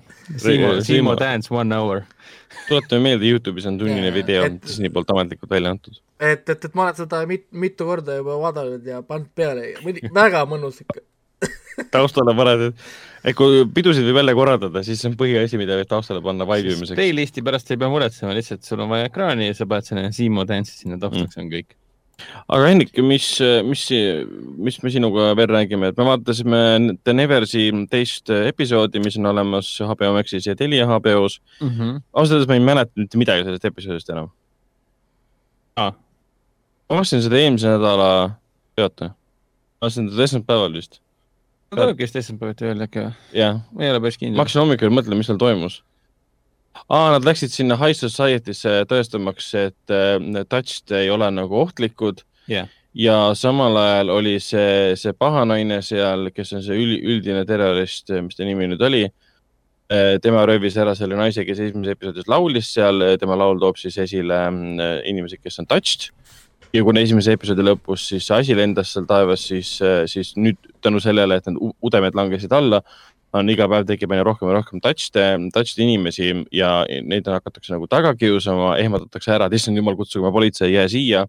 siis nad põgenevad ära ja lähevadki siis sinna äh,, sinna koju nii-öelda mm, X, X-Menorisse ja samal ajal neid röövitakse ka, saime teises episoodis teada, mida tehakse nendega, kes röövitakse, kes on touched. Ja see oli päris äh, võigas, päris äh, võim-, võigas ja selline võimas pööre tegelikult, okei okay,, nüüd vaikselt tuleb meelde, mis seal toimus nojah, sest Olivia Williams äh, mängib siin seda sellist patrooni, noh, doktor X-i põhimõtteliselt, ta on ratastoolis nagu doktor X. sõna otseses mõttes X-mehed või siis, mis see mm, Tim Burtoni film oli? Nendest erilistest lastest lastekodus. mis, mis Peregrines äh, ja, Miss Peregrine, X-mehed ja nii põhim-, edasi. põhimõtteliselt nemad ja see üht-teist ikka toimub, aga noh, eks sellega ongi see, et ma tahan lihtsalt näha, kuhu ta nagu välja jõuab, et mulle, mulle ta meeldib, tal on hea tempo, on lahe action, tegelased mulle meeldivad. mulle meeldib see, et draama toimub nii kiiresti seal, seal ei ole siukest jokutamist, et mingi, ma armastan sind, siis läheb kümme episoodi mööda, kuule, ma vist armastan sind ka, siin on kohe mingi, aa, meeldime üksteisele, siis keegi tuleb, ütleb paar halba sõna, mingi, aa, kuule mine ära, me, me, me ei saa koos olla, sest society nõuab ja kohe ühes stseenis lahendatakse olukord ära ja mulle meeldib, et see see areneb, asjad arenevad kiiresti kogu aeg, konstantselt. ja, et noh, kuna hetkeseisuga ei ole noh, vara veel, mitu episoodi seal kokku oli lõpuks, aga kaksteist episoodi, kuus tuleb nüüd välja. Aa, no kuna nii palju episoode, siis ei, ei maksagi oodata, et nagu see suurem narratiiv hakkaks ennast paljastama eriti kiiresti. pigem siin tegeldakse rohkem äh, noh, tegelase arenduse Mm. ja võimete näitamisega ja nii-öelda müstika, müstika tutvustamisega tegelikult. aga mulle ta pigem meeldib äh,. esimene osa meeldis noh rohkem kui teine, sest mul olid sarnased, sarnased probleemid, mis äh, sul, Ragnar. mulle ei tulnud meelde, mis teises osas toimus. aga lõpuks oli ju see Mälediga kaklemine ja Maledi aa, mäletad jah? ja, Melede näitleja on hästi lahe. et noh, ütleme nii, et äh, vara on natukene seletada Neversi teemal, et kui peaks midagi pöördelis-, pöördeelisemat toimuma, siis on võib-olla mõistlikum rääkida sel teemal pikemalt. nii, aga siis äh, mina vaatasin ära ka Telia HBO-st sellise toreda sarja nagu Utmark. Eesti keeles on selle asja nimi. Utmark, Utmark, eesti keeles on selle asja nimi Tere tulemast Utmarki, inglise keeles on ta lihtsalt Utmark. tegemist on siis HBO uue komöödiadraamaga, Norra komöödiadraama, mis räägibki sellisest külast nimega Utmark. Utmark minu teada ei ole otseselt olemas, Utmark on pigem tähendus, tähendus on, see vist tähendab midagi sellist, et nagu ääremaa või midagi sellist Mhm. kuna ta tegevustik, sõnmustik leiabki aset äh, kauges äh, Põhja-Norras põhimõtteliselt, soises kauges Põhja-Norras. inimesed elavad üksildast elu ja peavad seal äh, lambaid ja põhjapõtru ja, ja pigem on inimesed üksildased ja kipuvad liiga palju jooma ja liiga palju lollusi tegema ja nii edasi. korruptsiooniga tegelema. Aga tegemist on siis komöödia, noh hästi humoorika, Norrale omase humoorika komöödiadraamaga mis lihtsalt räägib eh, grupist eh, inimestest, kes lähevad omavahel eh, konflikti, see on tüüpiline külaelu Norras, sul on siin korrumpeerunud ment, kes valetab oma äh, varajases dement, varajase dementsuse käes kannatavale mm, naisele, luuletab talle igasugust jama kokku, et sa unustasid jälle ära, tegelikult ei unustanud. sest ta kasutab ära seda. siis, on meil siin, aga temal, tal pole siis meeles, et ta unustas seda. no ta ei ole enam kindel, millal ta unustas. aga tal, tal ei saagi meeles. olla, et ta midagi unustas. no ta võis, ta võis selle ära unustada, ja, ja. siis noh, filmi selle sarja peategelaseks tegelikult on siis äh, noh, tegelikult on kaks tegelast põhiliselt, kes kannavad kogu seda selgroogu, nende vaheline konflikt. ehk siis peategelaseks on äh, lambafarmer, kelle naisel saab villand, võtab tütre kaasa ja läheb oma. oota, lambafarmeri naisel saab villand või? jah, lambafarmeri naisel saab villand. Raiko ei naernud selle peale. Äh, ta võtab oma tütrekese kaasa, kes on mingi kümneaastane ja läheb siis oma äh, armukese juurde põhimõtteliselt, kelleks on siis äh, äh, ennast täis äh, saam, kohalik saam, kes peab ennast teistest äh, kõrgemaks. Teie elate minu maal, mina olen saam. Ta põhimõtteliselt, ta näeb välja niisugune ennast täis äh, igasugust jama uskuv selline eriti alfamees nii-öelda et tema, tema soeng on ka vastav, et siin on igasugused mingi viikingilaadsed äh, punud on tehtud talle siia külge ja käitub umbes niimoodi, et vaatab oma seda põhjapõdra karja, tema ongi see, kes põhjapõtru peab, vaatab oma karja, et kas sina ka tunned, kuidas sinu karja veri voolab sinu veres ja nii edasi. et siin on hästi palju absurdseid naljakaid asju iga tegelase juures nii-öelda ja samal ajal see farmer äh,, mune lambafarmer on siis masenduses, hakkab jooma liiga palju, ta on põhimõtteliselt joodik on tema siis. ainuke mõistlik tegelane kogu sarjas on siis lambafarmeri äh, tütar Mhm. äh,, kes Kui on ainuke, on vist kümnene äkki või? aa, hästi tore tüdruk mängib teda. tema kõige mõistlikum tegelane, ta küll ei tea kõiki asju, aga ta küsib ja siis tegutseb vastavalt. ülejäänud inimesed on lihtsalt lollid. ja see muidugi, kuna üks nii-öelda varastas naise ära, ütleme niimoodi, ja siis nende vahel läheb, läheb konflikt lahti, mis põhimõtteliselt peagi päädib sellega, et ütleme nii, et üks tegelane ähm, hävitab teise vara ja teine hakkab teise vara hävitama, et see kohati meenutab sellist tõde-õiguse lükka-tõmba teemat, kuidas Andres ja Pearo üksteist äh, üle kavaldavad ja siin on samamoodi, aga see ülekavaldamine on see, et noh, umbes nii, et äh, ahah, sa oled mulle võlgu nüüd viiskümmend tuhat krooni, Norra krooni, Mhm. Nüüd ma tulen ja sa ei maksa ära jah, ma hakkan iga päev sul lambaid maha laskma. Lähebki mäe otsa ja hakkab lambaid maha laskma. järgmisel päeval see lambafarmer, okei okay,, mina hakkan siis sinna põhjapõtra maha laskma. okei, Lähme otsa, hakkab, tuleb auto kohale, laseb põhjapõdra maha mingi lihtsalt. snaipriga või mingi, jahipüssidega okei. siuksed tüübid on lihtsalt ja siin hästi-hästi palju nalja saab, siin oli vist kaheksa episoodi, hästi kiiresti lähevad, nelikümmend kolm, nelikümmend viis minutit. Mhm. et kui sulle meeldib selline põhjamaine huumor, kui sulle meeldib selline põhjamaine draama, kus sul on kentsakad tegelased, kentsad, aga väga tõsised tegelased, sest on täpselt sellise tasakaaluga seriaal, et kus on hästi palju, see ongi draamaseriaal, aga selle muudab hästi elavaks ja selliseks rõõmsameelseks ja põnevaks ja selliseks põnevaks eh, tänu sellele, et ta on nagu Norra huumor siin on väga tõsised teemad, igas episoodis on tõsised teemad, alkoholism ei ole naljaasi, dementsus ei ole naljaasi, korruptsioon ei ole naljaasi ja nii edasi. Siis samal ajal on seal mingid Albaania prostituudid, kes kolivad äh, sinna külla elama ja kohalik mees, kelle naine on just ära surnud üks otsib siis, endale uut, uut abikaasat Jaa.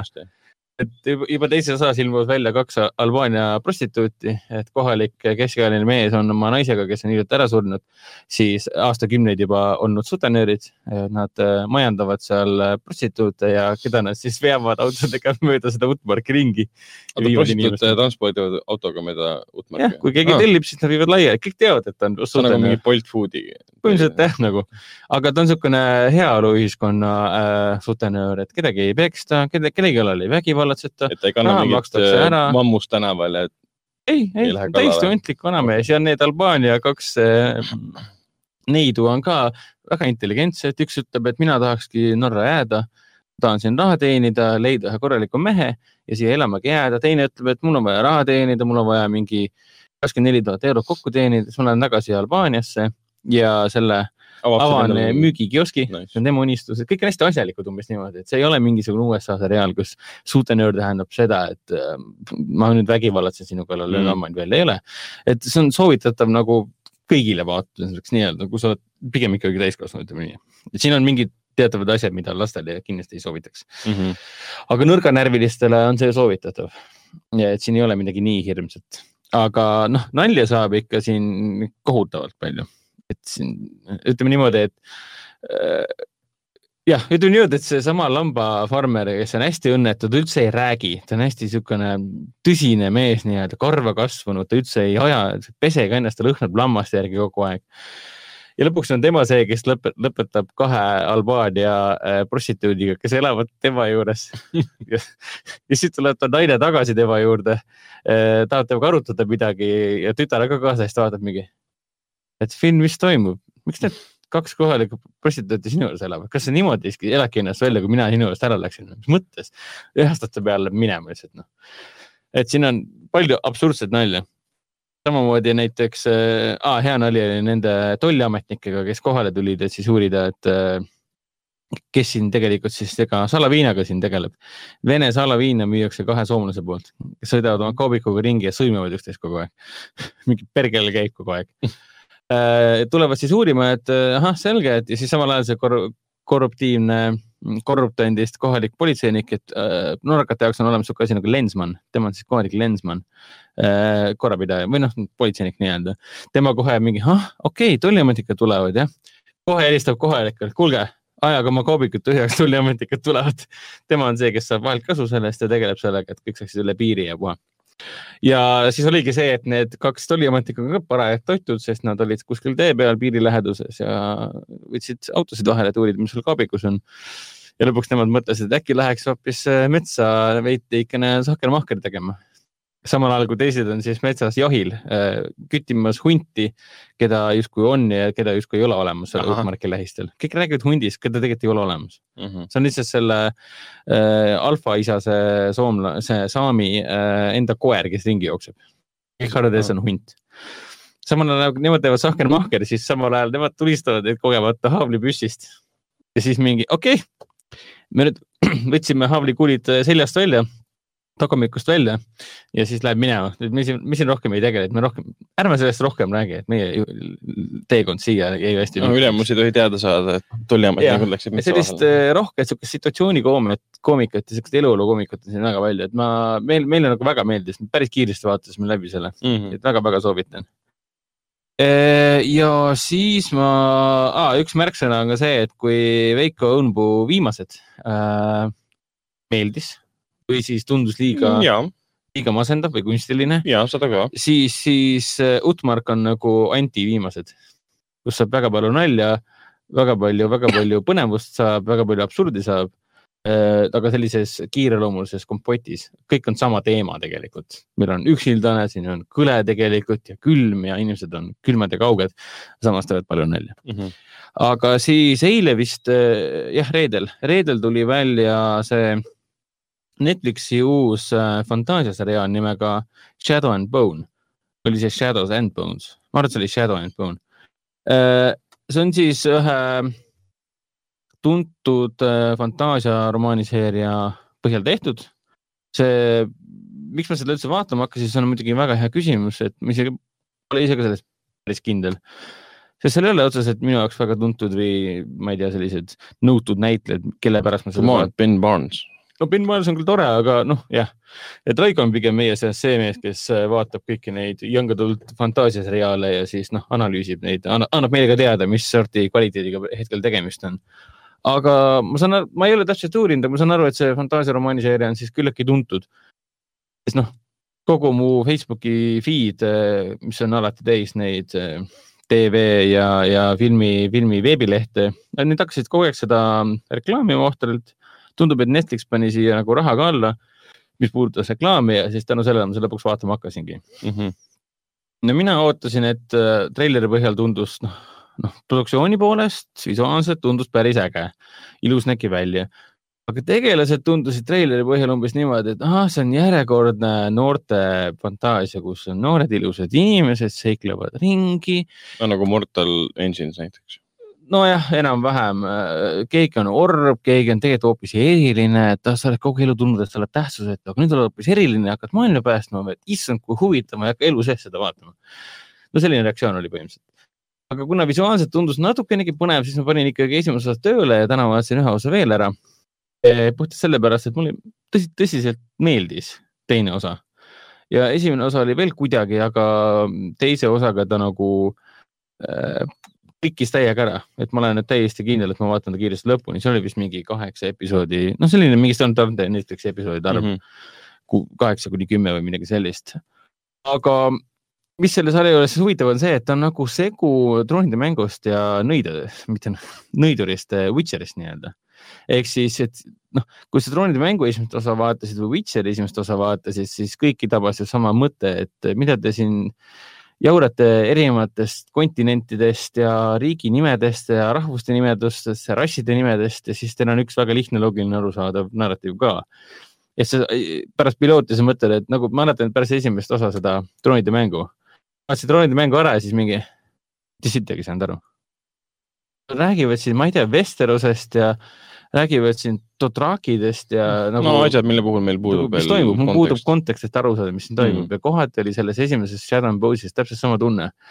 aga mis on loogiline, täiesti vastuvõetav, on need tegelased, kes tegelevad oma probleemidega, mis on täiesti lihtsalt hoomatavad ja nii edasi, ehk siis tundub, et on täpselt samad teed läinud.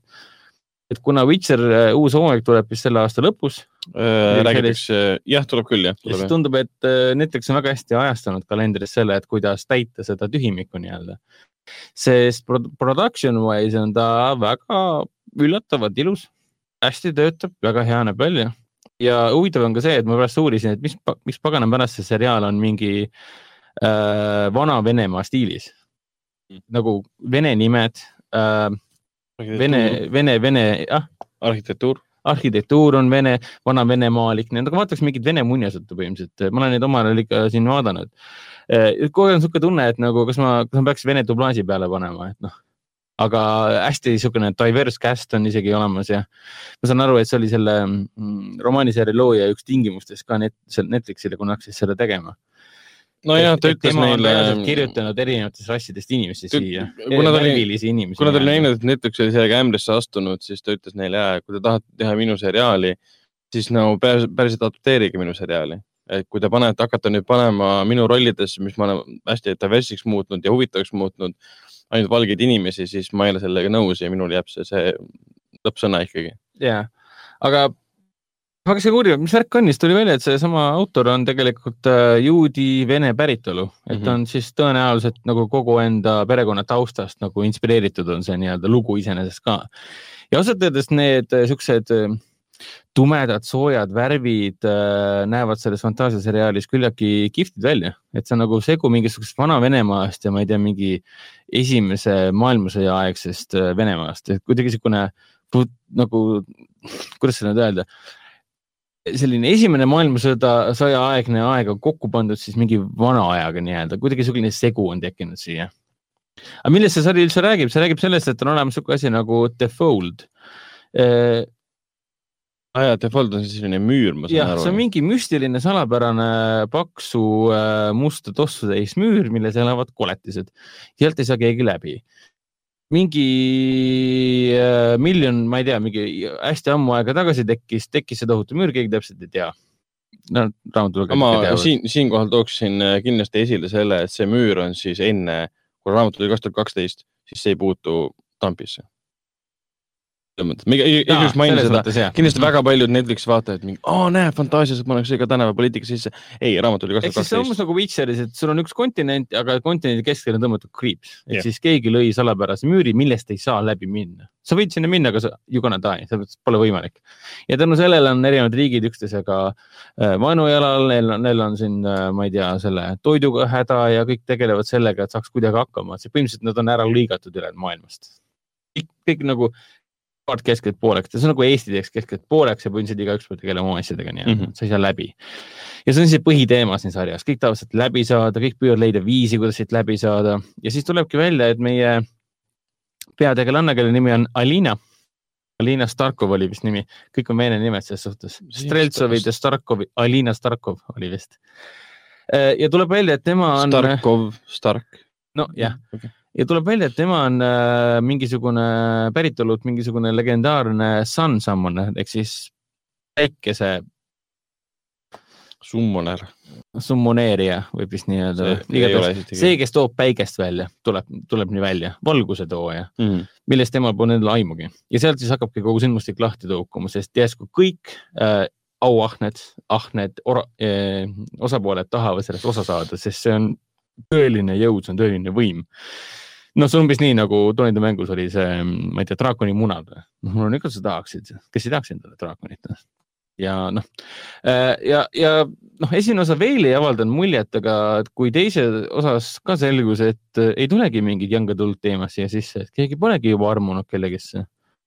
ja, ja ainukene teema on tõeline sõprussuhe kahe peategelase vahel, siis, siis ma taipasin, et kuule, aga see on hästi tõsine asi ja kui ühel tegelasel löödi pea keskelt poole, ei, keha löödi keskelt pea ja keha löödi keskelt pooleks, nii et soolikad lendasid igal pool laiali, siis ma vaatasin, et okei okay,, see on verine äh, vägivaldne fantaasiaseriaal Vana-Venemaa stiilis äh, maailmas, mida, mida lõhestab tohutu suur müür.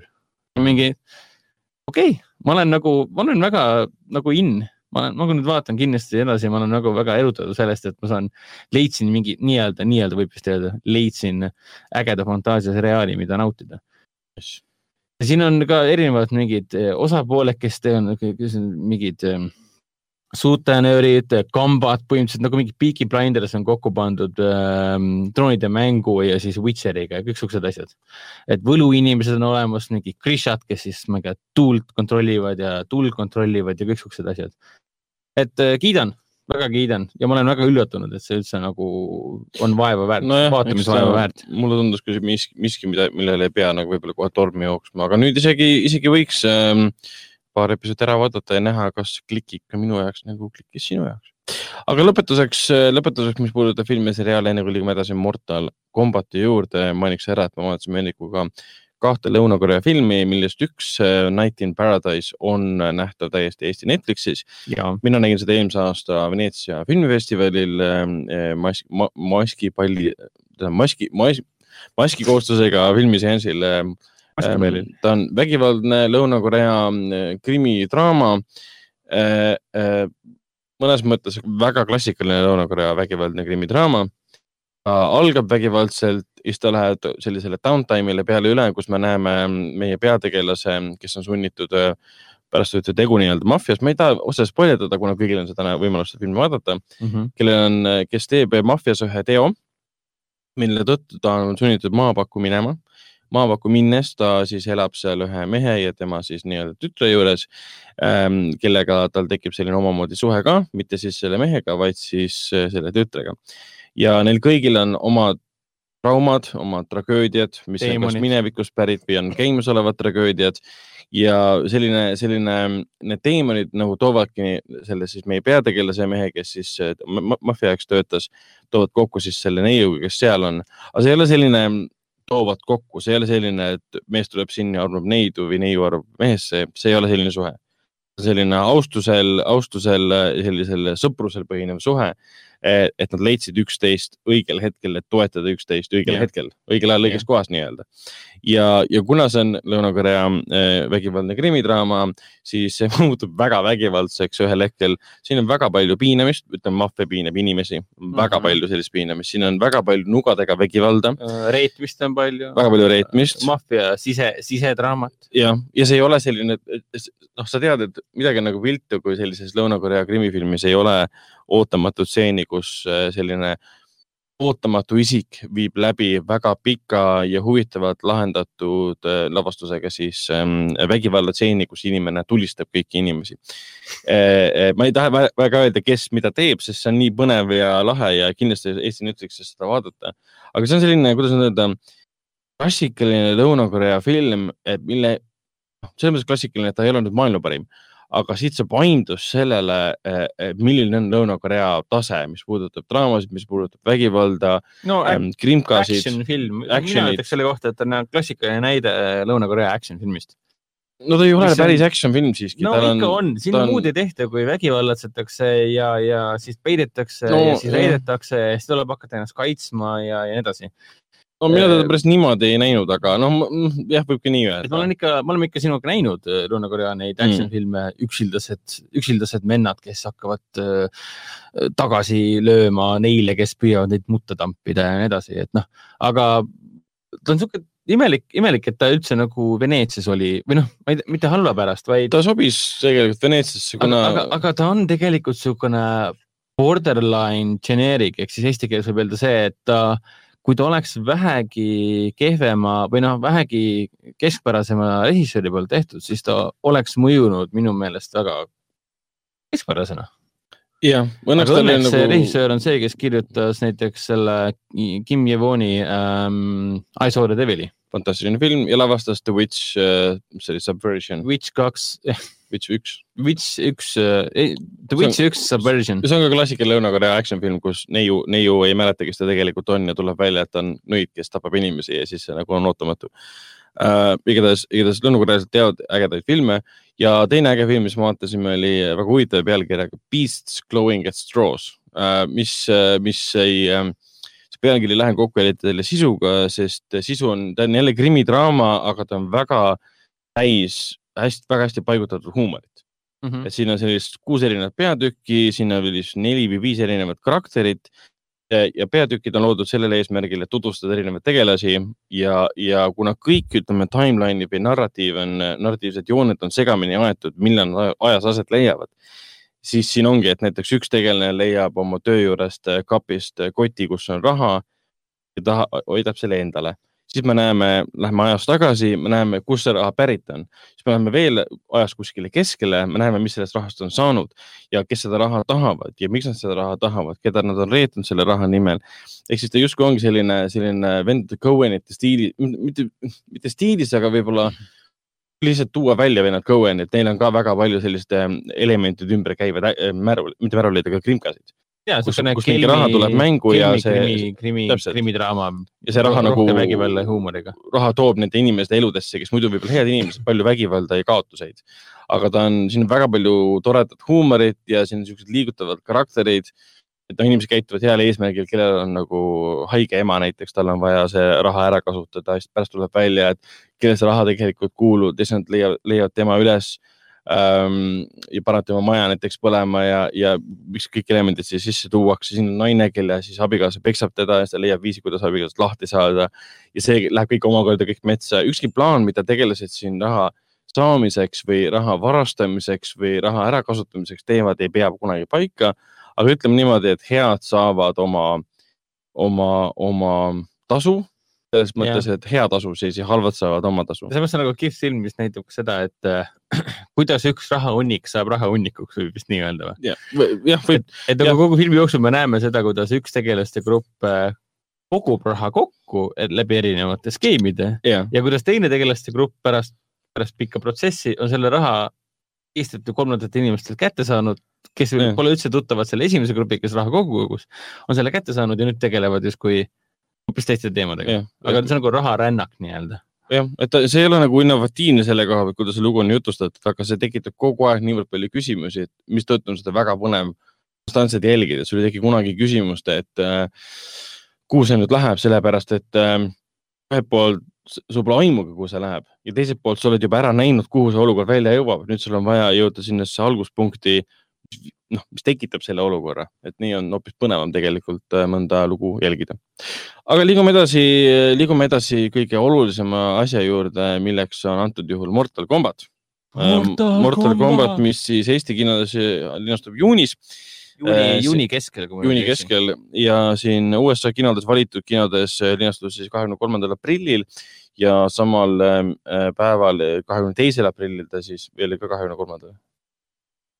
Kahekümne kolmandal jõudis ta siis ka HBO Maxi, mida me siis ka Raiko juures vaatasime 4K HDR ähm, projektori abil äh, ja siis vaadates seda äpis, kus film tuli ka 4K UHD versioonina. Mortal Combat on siis ütleme kolmas täispikk film, ta ei ole osa seeriast, ta on reboot'ina mõeldud.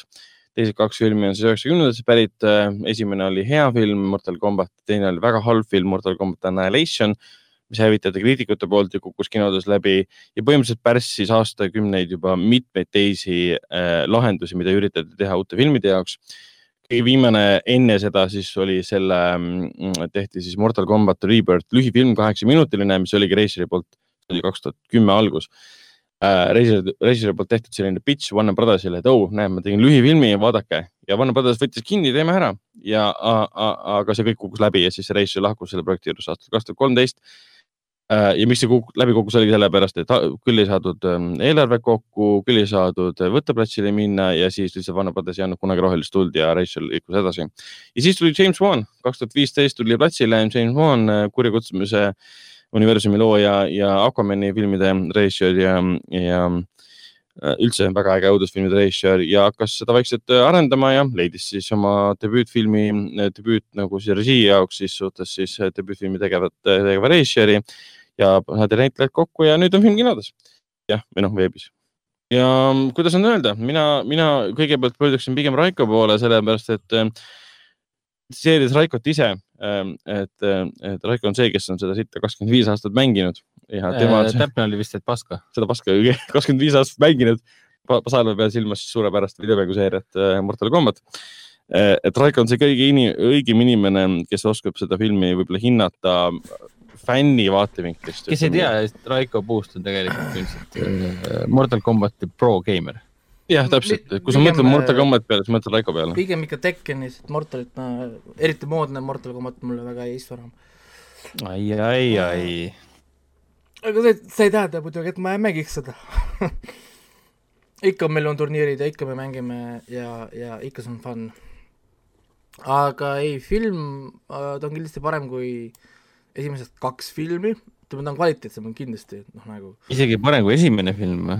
äh, jaa, sellepärast kindlasti, esimene film Ai, tegel- ai., tegelikult on ju väga aeglase tempoga film ähm,, mul lihtsalt äh, kaklusstseenid on ikkagi paremad esimeses filmis äh,, ära, ära nüüd äh, noh, nagu lihtsalt nagu filmi nagu üldine kvaliteet lihtsalt on äh, parem, ta on ilusad äh, nagu ilusad efektid, ta näeb hästi hea välja, onju. noh, näitlejad on tegelikult hästi valitud, nad on, ütleme, ja muidugi ja lugu on väga true ja siis niisugusele eh, noh, nagu mä-, Mortal Combati looril.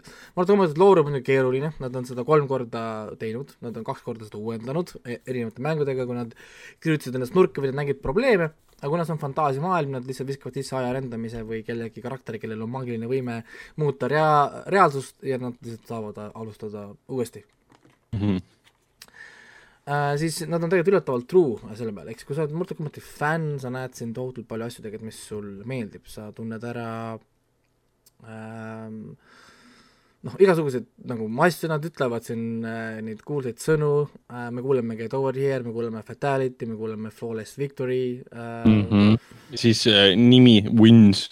no erinevad yeah. nimed, jah, me näeme verd, nad retsivad sinna ja omajagu üksteist jaa, ja, ja noh, muidugi kui sa oled teatud karakterite fänn, siis võib-olla sinu karakterid natukene reedetakse, Goro fännid on kindlasti pettunud. Äh,, Reptali fännid või Milena, Milena fännid. on pettunud, no Vilena fännid või on ja ei ole ka, nad on pettunud kindlasti sellepärast, et see karakter on äh, mingi mõttetu kõrvalkarakter, selles mõttes, et ta et tema rääkimine oleks nagu see Windows äh, text to speech stiilis räägib ja, ja, ja, ja kohe, kui põnevam, põnevamaks läheb, ta likvideeritakse ära põhimõtteliselt.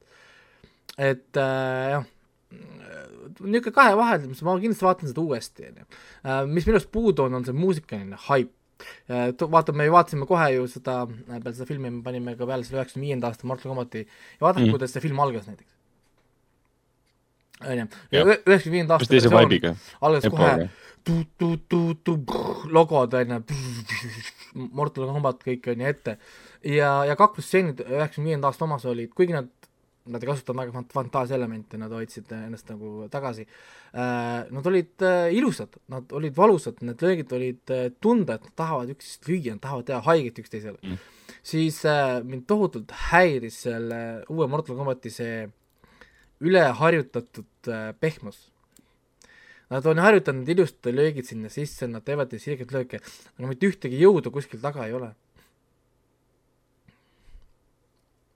nojah, see, see, millele see tegelikult vihjab, see justkui vihjab sellele, et nende näitlejatel pole seda mm, korralikku treeningut. treeningu nagu tausta või siis nad jõudsid treenida ainult mingi loetud päevad enne stseeni filmimist.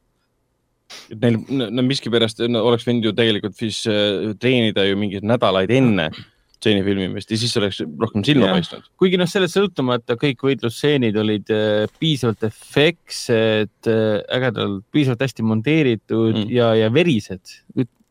See film on ikka väga-väga verine No- ja vägivaldne. võitluste puhul jääbki kõige rohkem meelde see, et sul noh, pead lendavad, soolikad lendavad, kõht, kõhud rebitakse puruks, inimesed lähevad pooleks, siin on mängust Mortal Combat üheteistkümnes või Mortal Combat kümnendast on mängust augud, tu- augud sinu kõhus ja. jah, seal on tuntud nagu brutality'd ehk siis, kui sa oled ainult võib-olla ühte mingit stseeni sellest mängust näinud või ainult viimast mängu mänginud, sa vaatad filmi. ma tunnen selle brutality ära, et selles mõttes see reis ju tegi selge, ta oli, olles ise fänn, tegi selge kummarduse fännidele ja kogu sellele maailmale Jah. ja nad tegid noh, uusi asju, uusi asju siin ka. et siin on tehtud sisse selline, selline päranduslik süsteem, et inimesed sünnivad Mortal Combati siis sünnimärgiga, mis vihjab ära, et nemad peavad osalema selles interdimensionaalses Mortal Combatis, mis määrab ära, kelle maailm siis hävitatakse või ei hävitata. nii, niimoodi vähemalt on selgitatud ära maa, maa, Earthrealmi ehk siis ja. meie maa äh, tšempionid, kes peavad justkui osalema Mortal Combatis. ja ma saan aru, Raiko, sellist asja tegelikult mängude lugudes pole kunagi olnud. et mingi sünnimärgi teema, mis nagu liigub inimeselt ei, inimesele. niimoodi ei olnud jaa, nüüd valik tegelikult käis Raideni järgi. no seal on ka, ütleme, selline saatuslik element oli ka, et Raiden valis nagu osalised, aga osad inimesed sattusid nagu turniirile, ehk siis neil oli nii-öelda nagu saatuse poolt määratud seal olla, üks nendest oli Mhm. Keino mm, -hmm. Keino. Raiden poleks Keinot kunagi valinud, sest Keino on kurjategija.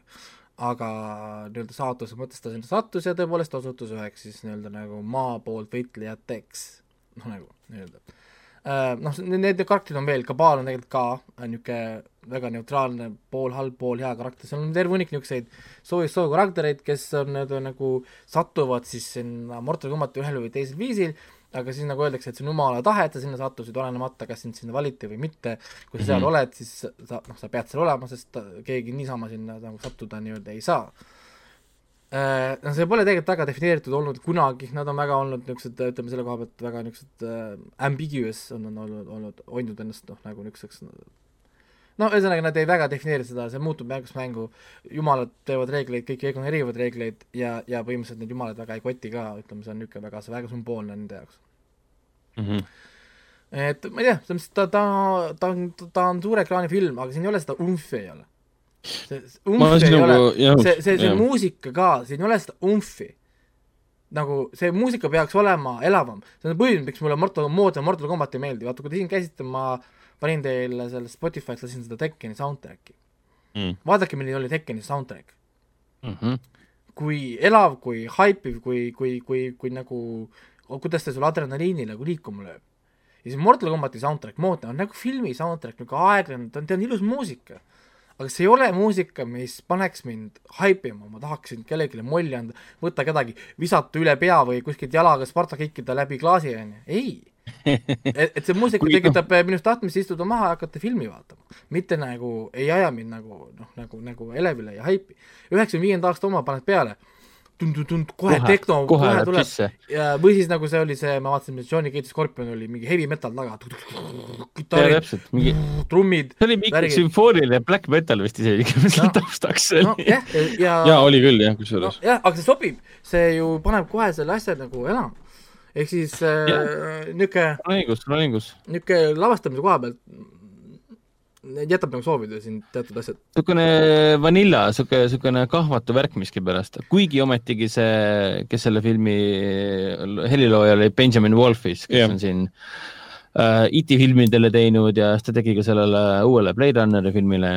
kuigi koos see rearranžeering sellest äh, esimese Mortal Combati filmi äh, teemaloost äh, tegelikult on äh, siin filmis täitsa olemas, ärme hakka ütlema, kus ja kuidas ta on, aga kui ta lõpuks tuleb, siis on rõõmu palju selles mõttes, et ma pigem oleksin tahtnud, et nad oleksid seda teemat, see on võib-olla liiga spoilerifik asi mõnele fännile, aga seda teemat oleks pidanud rohkem kasutama, ütleme niimoodi.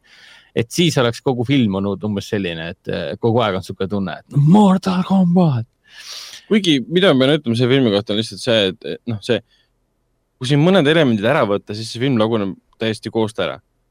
näiteks kinot selles filmis üldse ei oleks, siis ma oleksin võib-olla hoopis sihuke tundmus, et see on täiesti rõõmutu, hästi tõsine äh, huumorivaba film, sest seda oleks ainult kandnud siis Cole.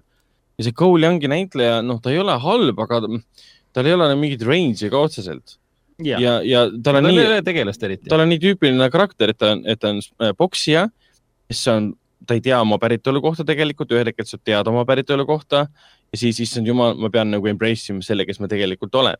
aga samal ajal sul on Keino, sul on mingi hull austraallane, kes lihtsalt kogu filmi aja lihtsalt õiendab ja vabandust, väljendust möliseb ja ja teeb seda nii vaimukalt.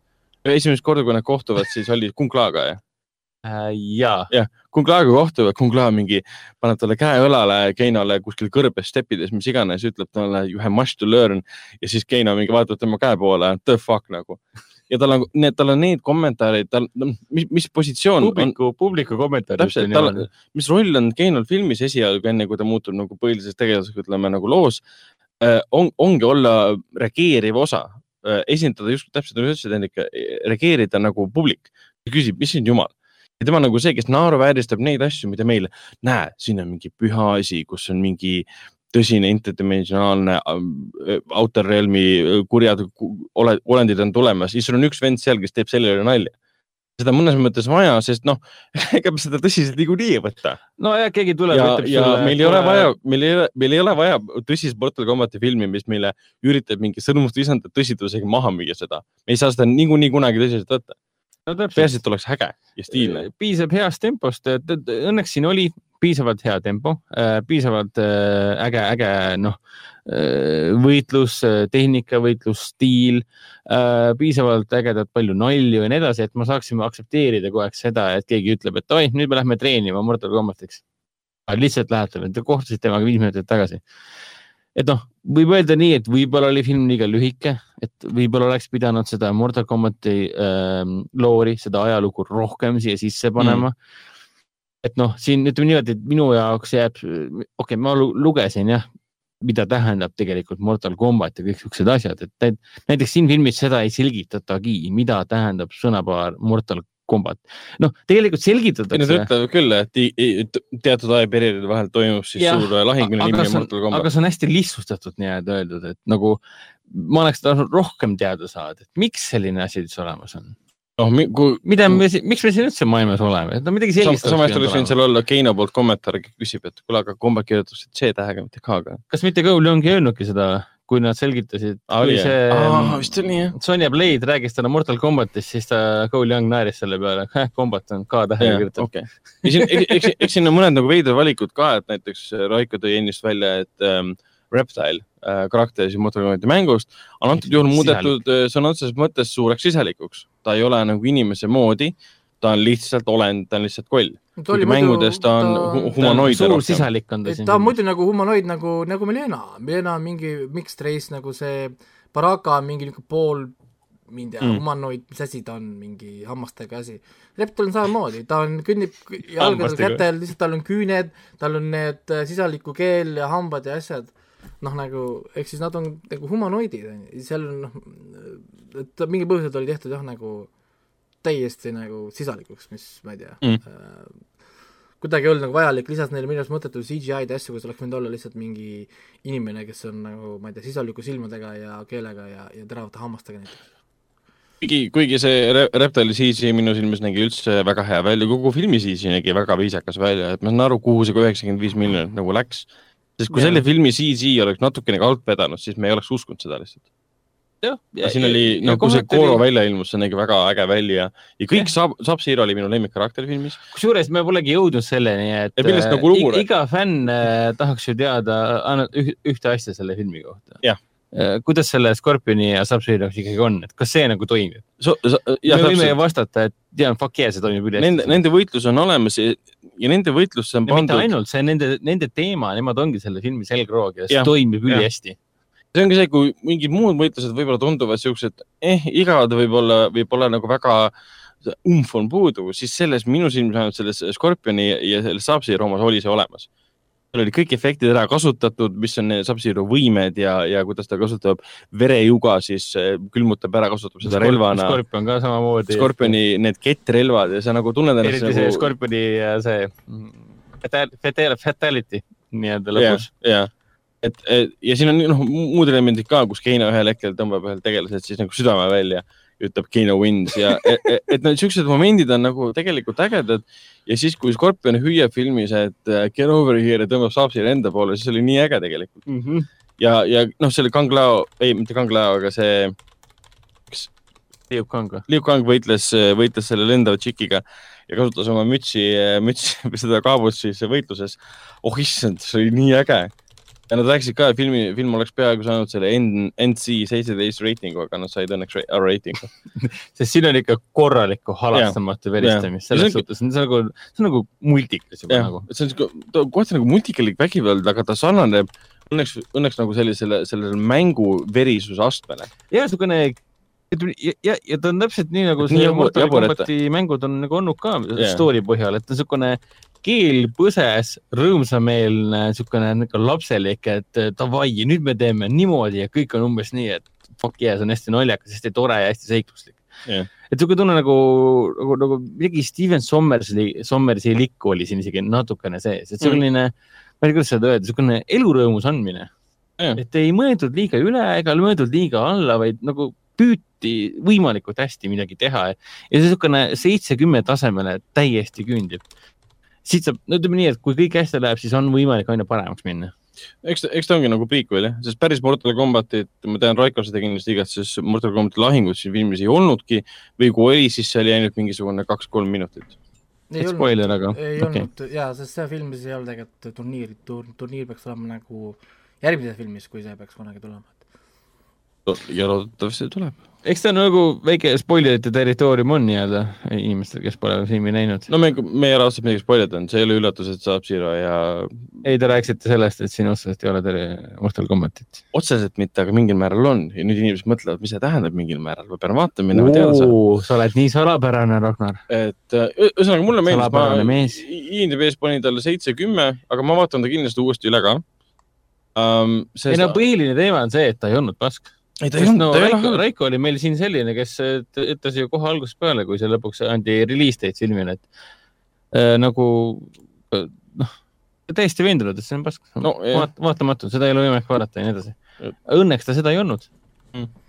see on nagu kõige suurem nagu ai sinu pea peale, et, et, et sa ei pidanud piinlikkust tundma seda vaadates. kuigi siin Ameerika kriitikud, ma vaatasin, väga sillas ei ole temast, Rotten oli vist mingi viiskümmend see on väga hea ja tulemus, tegelikult. ja kuskil olid mingi väga julmad äh, kommentaarid, mingi The Playlist vist kirjutas ka, et mingi lame cosplay, mis üritab tõestada, et ta on vaja, seda peab kinno vaatama minema või midagi laadset.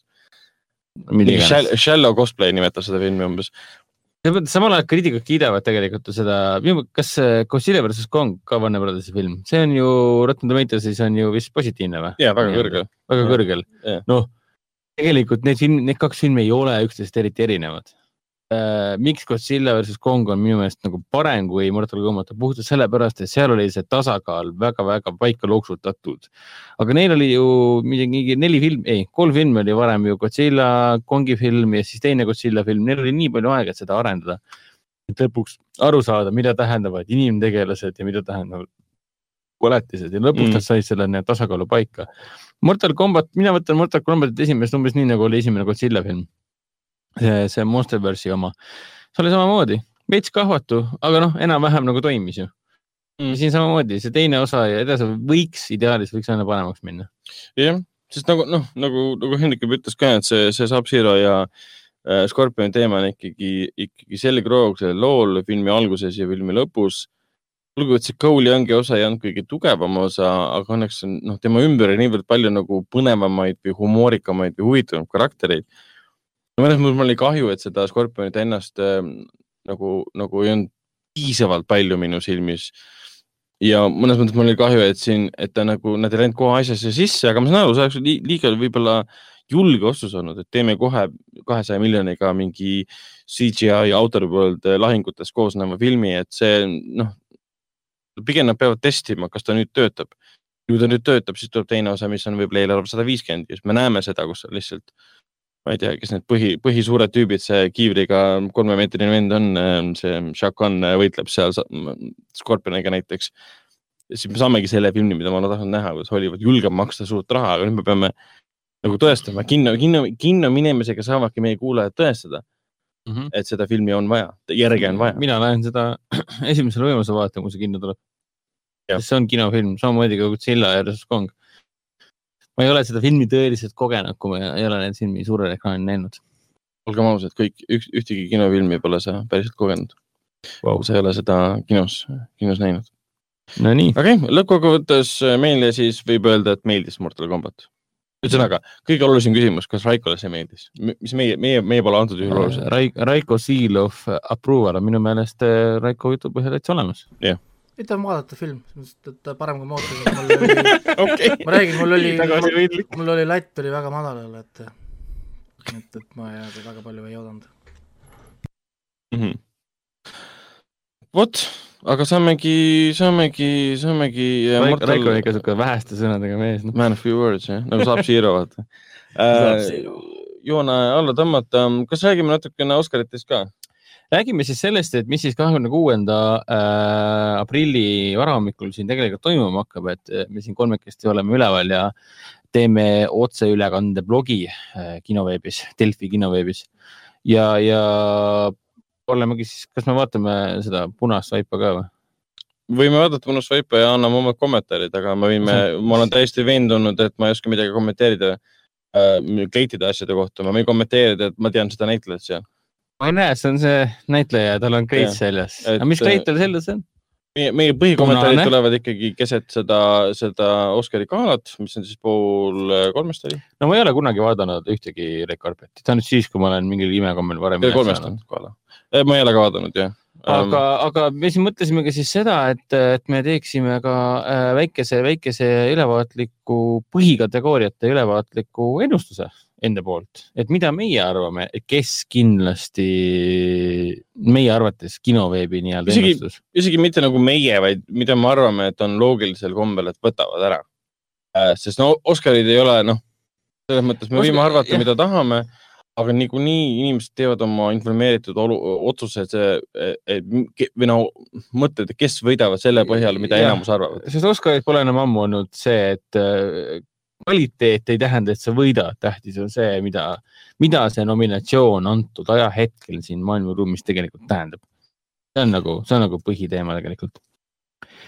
nii, aga vaatame siis need kõige tähtsamad üle ja, ja alustame äkki siis sellest alustame parimast filmist kohe. Parimast filmist jah. et parima filmi siis äh, Oscarile kandideerivad antud juhul isa, Judas and the Black Messiah, Mänk, Minari, Nomadland, Promising Young Woman, Sound of Metal ja The Trial of Chicago Seven. Neist eh, pole mina veel näinud Promising Young Womanit, Minarit. jah, kahte filmi pole näinud, kõiki teisi olen näinud. ja mida me võime os os oskame nagu öelda selle siis nii-öelda kõikide eelnevate auhindade põhjal, mis on sellel aastal antud nendele filmidele, siis on suhteliselt selge, et Nomadimaa ehk siis Nomadland, mis ei ole veel Eestis äh, linastunud tänu sellele, et kinod on kohe kinni pandud ja edasi lükatud. peaks linastuma küll äh, kohe, kui kinod on avatud. jah, täpselt nii, isegi mais siis juba. ja, ja meie nägime seda filmi siis eelmise aasta PÖFFil, siis kõik ennustavad Nomadimaa, Globe Sao, kes toob meieni järgmise Marveli filmi ka, The Eternals, mis on jällegi väga huvitav segu. Nomadimaa peaks võitma siis parima filmi Oscari üllatada siin võivad, võivad näiteks Aaron Sorkini Trial of Chicago Seven, mida ma ei usu, et ta üllatab sellega. pigem on see suhteliselt ok- okei okay., minu jaoks on väga okei okay,, et Nomadimaa võidab uh,. kuigi noh, Judas and Black Messiah võiks ka saada, isa võiks ka saada, Mänk võiks ka saada, minu silmis fantastiline film. Sound of Metal võiks ka saada, et siin on antud juhul nende kümne filmi hulgas, nad, nad on kõik head filmid. Nad on, nad on tõesti, siin ei ole ühtegi kommentaari minu poolt, et see film ei, ei peaks olema kümne no parima mina hulgas. paneks äh, parimaks filmiks kohe võit, võidufilmiks isa. jah, sellega ma oleks. see on minu. unistuste valik, aga täiesti kindel, et võidab äh.... oh jumal, ma ei saa öelda, et täiesti kindlalt, aga mulle tundub akadeemiat natukenegi tundes, et pigem Nomaadimaa, kuna ta on juba nii head eeltööd teinud Mm. nii, mis meie järgmine kategooria on? räägime parima režissööri kategoorias, kus kandideerivad siis järgmine ring, Toomas Winterberg, Mank, David Fincher, Minari, Lee Isaac-Chung, Nomadland, Chloe Zhao ja Promising Young Woman, Emerald Fennell. Fennell ja on suhteliselt kindel, vähemalt nii ennustatakse suuremate portaalide poolt, et Chloe Zhao saab ka Nomadimaa eest kantud siis kategoorias võidu kuigi siin mina arvan, et üllatada võib seesama järgmine ring, mis korjab ka siis parima võõrkeelse filmi auhinna tõenäoliselt ära. siin Ja- võib üldse palju üllatusi olla, sest nii, nii Minari kui ka- ka Promising Young Woman võivad režissööri oma endale haarata hoopis. jah, jah. et siin noh, selles mõttes äh, üllatusi võib olla ja kõik, kõigile meeldib praegu öelda, et see Nomadimaa korjab, aga äh, vaatame, vaatame, mis saab. räägime parimast äh, meesnäitlejast, kandideerivad Riis Ahmed Sound of Metali eest, Chadwick Boseman, Marinis Black Bottom, Anthony Hopkins The Father, Gary Oldman Mänk, Steven Yeun Minari. Ja antud juhul ollakse täiesti veendunud siin, siin suurimate portaalide poolest, et äh, Chadwick Boseman võtab selle Marinis Black Bottomi eest ära. ma ei Ma ei- tahaks seda uskuda, ma arvan, et Anthony Hopkins. ma arvan, et ma arvan ise ka Anthony Hopkins, sense. aga, aga Chadwick Boseman on postuumne auhind. ta suri vähki ja ta on teinud kaks suurepärast rolli jutti uh,. The Five Blood ja siis Marinis uh, Black Bottom, ma ei saa öelda, et see viimane on suurepärane, aga ma usun, et on, ma ei ole teda veel näinud, on Netflixis olemas. siis ma usun, et ta saab selle postuumse ja Anthony Hopkins jääb ilma uh,. kui tuleb selline šokeeriv üllatus, siis tööta Anthony Hopkins, aga, aga ma ei usu, et siin mingi suurt muutust tuleb. see võistlus ongi või ma arvan, rohkem siis jah, sul on õigus, Bosemani ja Hopkinsi vahel. Hopkins, noh, väärib minu arust kõiki auhindu, minu arust võiks kõikides äh, kategooriates äh, kandideerida ainult Anthony Hopkins. räägime nai- parima naispeaosast, Viola Davis, Marinis Black Bottom, Andre Day, United States versus Billie Holiday äh,, Vanessa Kirby, Pieces of a Woman, Francis McDormand, Nomadland, Gary Mulligan, Promising Young Woman. siin samamoodi äh,, emba-kumba, kas selle nüüd võtab ära endale, endale Francis McDormand Nomadlandi eest või mina arvan, et Gary Mulligan. Vanessa Kirby võiks ka saada, aga ma ei usu, kuna, kuna Princess of Woman on nii vähe kandideeritud ja antud, antud, antud juhul Oscaritel. puhtalt teema, puhtalt sellepärast, et teema nii, teema on nii yeah. päevakajaline selles uh, Promising Young Womanis, siis tõen-, ma arvan ka, et tõenäoliselt pigem, pigem Gary Mulligan. kuigi no portaalid jälle ennustavad, et äh, Francis McDormand võtab ära no parima. taaskord nende kahe vahel, et kui on vaja viimasel hetkel karjuda äh, telekaekraani vastu või mis iganes platvormil sa seda vaatad, otseülekannet, siis, siis mina soovitan pigem karjuda McDormand.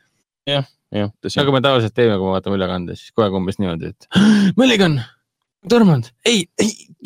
ah, ma olin hea ennustaja, siis ma viimased kaks sekundit enne ennustasin. ta karjusin kahte erinevat nime kordamööda. aga hea jah naispeaosa ikkagi ka, mina arvan, et äh, McDormand võtab, aga üllatada võib siis äh, Mulligan. räägime, räägime nais, mees kõrvalosast, mees kõrvalosast siis äh, Sacha Baron Cohen, The Trial of Chicago Seven, Daniel Kaluuya, Judas and the Black Messiah, Leslie Odom Jr, One Night in Miami, Rassi Sound of Metal ja Lakeith Stanfield, Judas and Black äh, Messiah. oota, aga kes siis Judas and the Black Messiah's peategelast, sellest juba Mängis. räägiti siis, kui nominatsiooni välja kuulutati. mees Tuleb- peategelast mängis? tuleb välja, et ei mänginudki keegi, mõlemad olid kõrvalosalised. aga sul ei saa olla kõrvalosa, kui sul pole meespeaosa. ja akadeemia arvates eh, eh, nemad hindasid siis eh, mõlemad rollid kõrvalosadeks ühes samas filmis. Kuigi peategelane tegelikult on Lakeith Stanfield ju? eh, võib sest lugeda tema on ju, Judas. noh, võib, võib lugeda teda jah. kuigi väga kõrgel, kõrgel nagu esi, filmis on esindatud tegelikult Daniel Kulu, Kuluiga ka. mida kuradit. see on ma arvan, veider. et Daniel võtab ära tõenäoliselt. aga ma arvan, et Daniel võtab ära, sest see on lihtsalt fantastiline roll. kui siin üllatusi peaks tulema, siis on see Paul Ranchi. mina vähemalt usun, et Sound of Metali ees, kus ta mängis siis ähm, Kurti seda äh, juhendajat selles, selles retreat'is, kuhu siis lisaks mehte suundus. räägime, mis me järgmisena rääkisime, nais kõrval, kõrvalosast. sinna siis kandideerivad Maria Bakalova Brat kahe eest, Glen Close Hillbilly Elegy eest, Olivia Colman The Father'i eest, Amanda Seyfried Manki eest ja Yu Jung Jun ähm, Minari eest. Ja noh, eks sellest on ka räägitud, arvatakse, et see Yu Jung Jun võtab selle rolli siiski, selle võidu siiski ära ähm,. sest noh, ma ei näe ka, et siin, et võib-olla tõesti Olivia Colman üllatab äh,.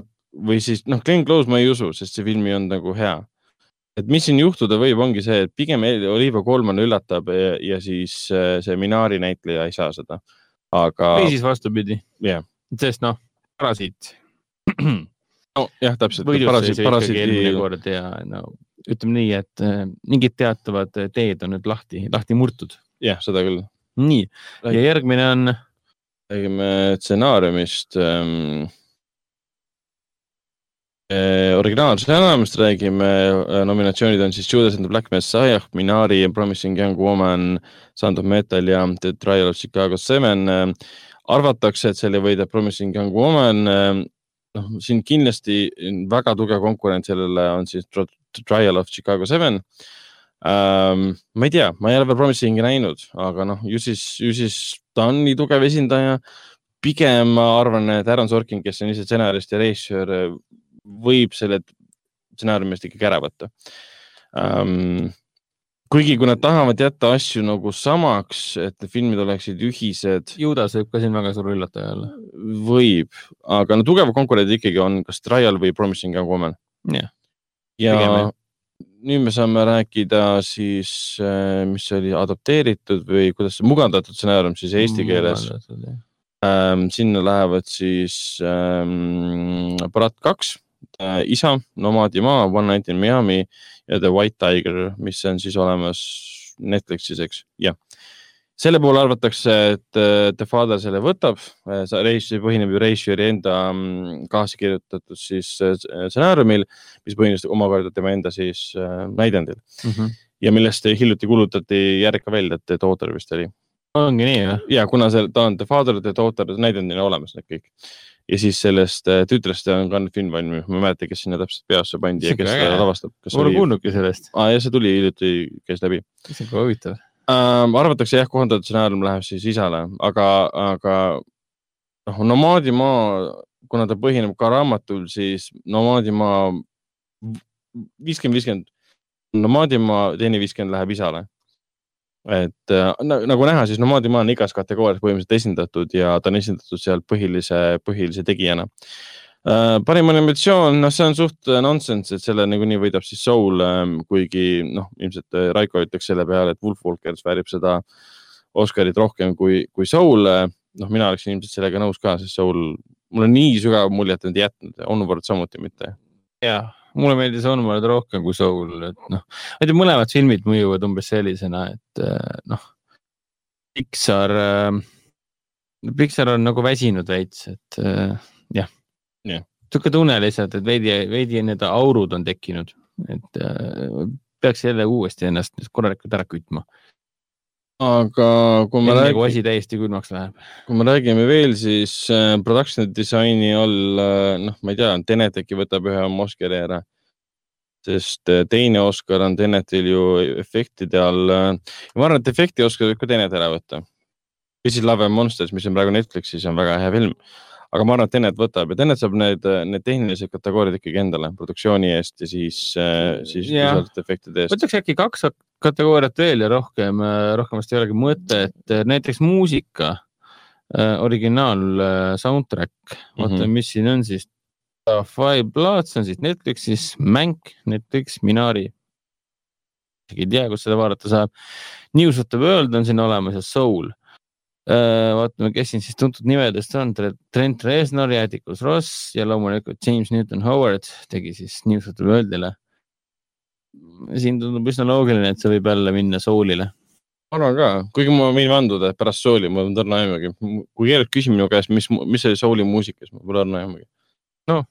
hiljem kuulsin seda seal Youtube, selles mm, Spotify's ka ja ma ei saanud väga hästi aru, mis, kas see oli selles samas filmis. aga, aga mis puudutab originaallaulu, siis, siis mina isiklikult loodan, et selle võidab äh, laul, mille muusika ja, ja sõnad on kirjutanud äh, Savan Kotecha äh,, Fat Max, Sus ja Richard Göransson ja selle, selle laulu nimi on Husavik ja see on pärit jaa. äh, eelmise aasta kõige paremast filmist üldse, Eurovision Song Contest The Story of Fire saaga.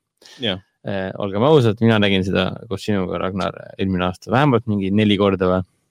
sellega ma olen. kaks korda neist oli järjest ka veel. see võiks olla suurepärane, suurepärane lõpp Oscari, Oscari aastale nii-öelda. ma loodan, et eh, Hussavikku esitatakse ka. vot, aga sellega ma nii loodan, et nad esitavad, ei tea, kas seal üldse on või? kas eelmine aasta oli, see oli muusikalise esinemine? eelmine aasta oli küll laval jälle jah. äkki tulebki, äkki nad esitavad Volcano Mani või, või seda Jaja Ding Dongi? kui, siis see on eelsalvestatud kuskil mujal, mitte kohapeal tehtud. no ja see selleks, et kuidas, aga nii tore oleks, oota, mis seal eelmise aasta Oscaritel see võidustas? Parasit ei olnudki ju. aa ah, jaa, oligi parasjagu aasta ja, ja, ja. oota, kas nüüd on teine aasta järjest, kus ei ole äh, kolmas, saatejuhti? aa, on või? kolmas jah. selle, selle Lady Gaga filmi ajal polnud ka host'i. parasjagu ajal polnud ka. issand jumal, see on nii veider ja tänu sellele mul ei ole meeles äh,, mul ei ole Oscarit meeles enam. vanasti sai jah kinni hoida sellest, et need na- naljad olid head, et kes see viimati see üldse oligi siis? Kindlasti mingi Jimmy Kimmel või midagi, kes ei tee kunagi mitte ei, midagi, ühtegi head nalja ei tee. ta üks aasta oli see õnnetu hull tüüp Ricky Gervais. või tema tegi, nad on teinud. kuldloobused teinud, Oscarit vist pole olnud. Sett oli ükskord ah,, Seth MacFarlane oli siis, kui ta laulis seda I saw your boobs.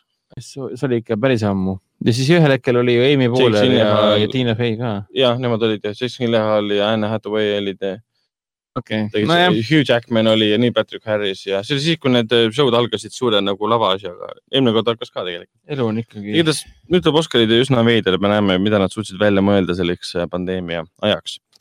aga siis eh, teiega kohtume võib-olla siis juba keset, keset Oscarite ööd, kui me Raikoga seal vaatame ja jagame oma sarkastilisi kommentaare toimuva kohta. ja siis lihtsalt kommentaare. ja ärge siis unustage, et ootame kõiki teie selle episoodi kuulajate mängu, ehk siis mis on, kolmeteistkümnes kuulajate mäng. Jah. ootame Jah, kõiki 13. vastuseid. mis see järgmine nädal oli siis, kakskümmend, üheksa. kahekümne üheksandal äh, aprillil kella kuueks vähemalt ootame. info, at kinosaade. kuulake hoolikalt äh, ja, ja, ja püüdke terved olla, meie siin oleme terved ja ootame, millal kinod avatakse, et saaks jälle suures, suures kinosaalis nautida suuri filme. no meil on esimene 5G see torni osa juba sees, nii et äh, jah, me saime ka oma süstid kätte, vähemalt mina ja mina ja vend. Jah. ja ma juba tunnen, ma juba näen, kõik on mul niisugune Matrixi vaade on konstantselt. Te mõlemad koosnete ainult äh, rohelistest numbritest hommikuti ärgades ma näen, näen Soros, Sorosi nägu oma silme ees mõnikord. ja mind külastab hommikuti eh, see Bill Gates käib mulle nõu andmas, kuidas, kuidas paremini väikseid lapsi süüa ja ma ei tea, mida veel. okei okay,, ma arvan, et loeme, loeme saate saateks ja näeme teiega juba järgmisel korral. tšau. tšau.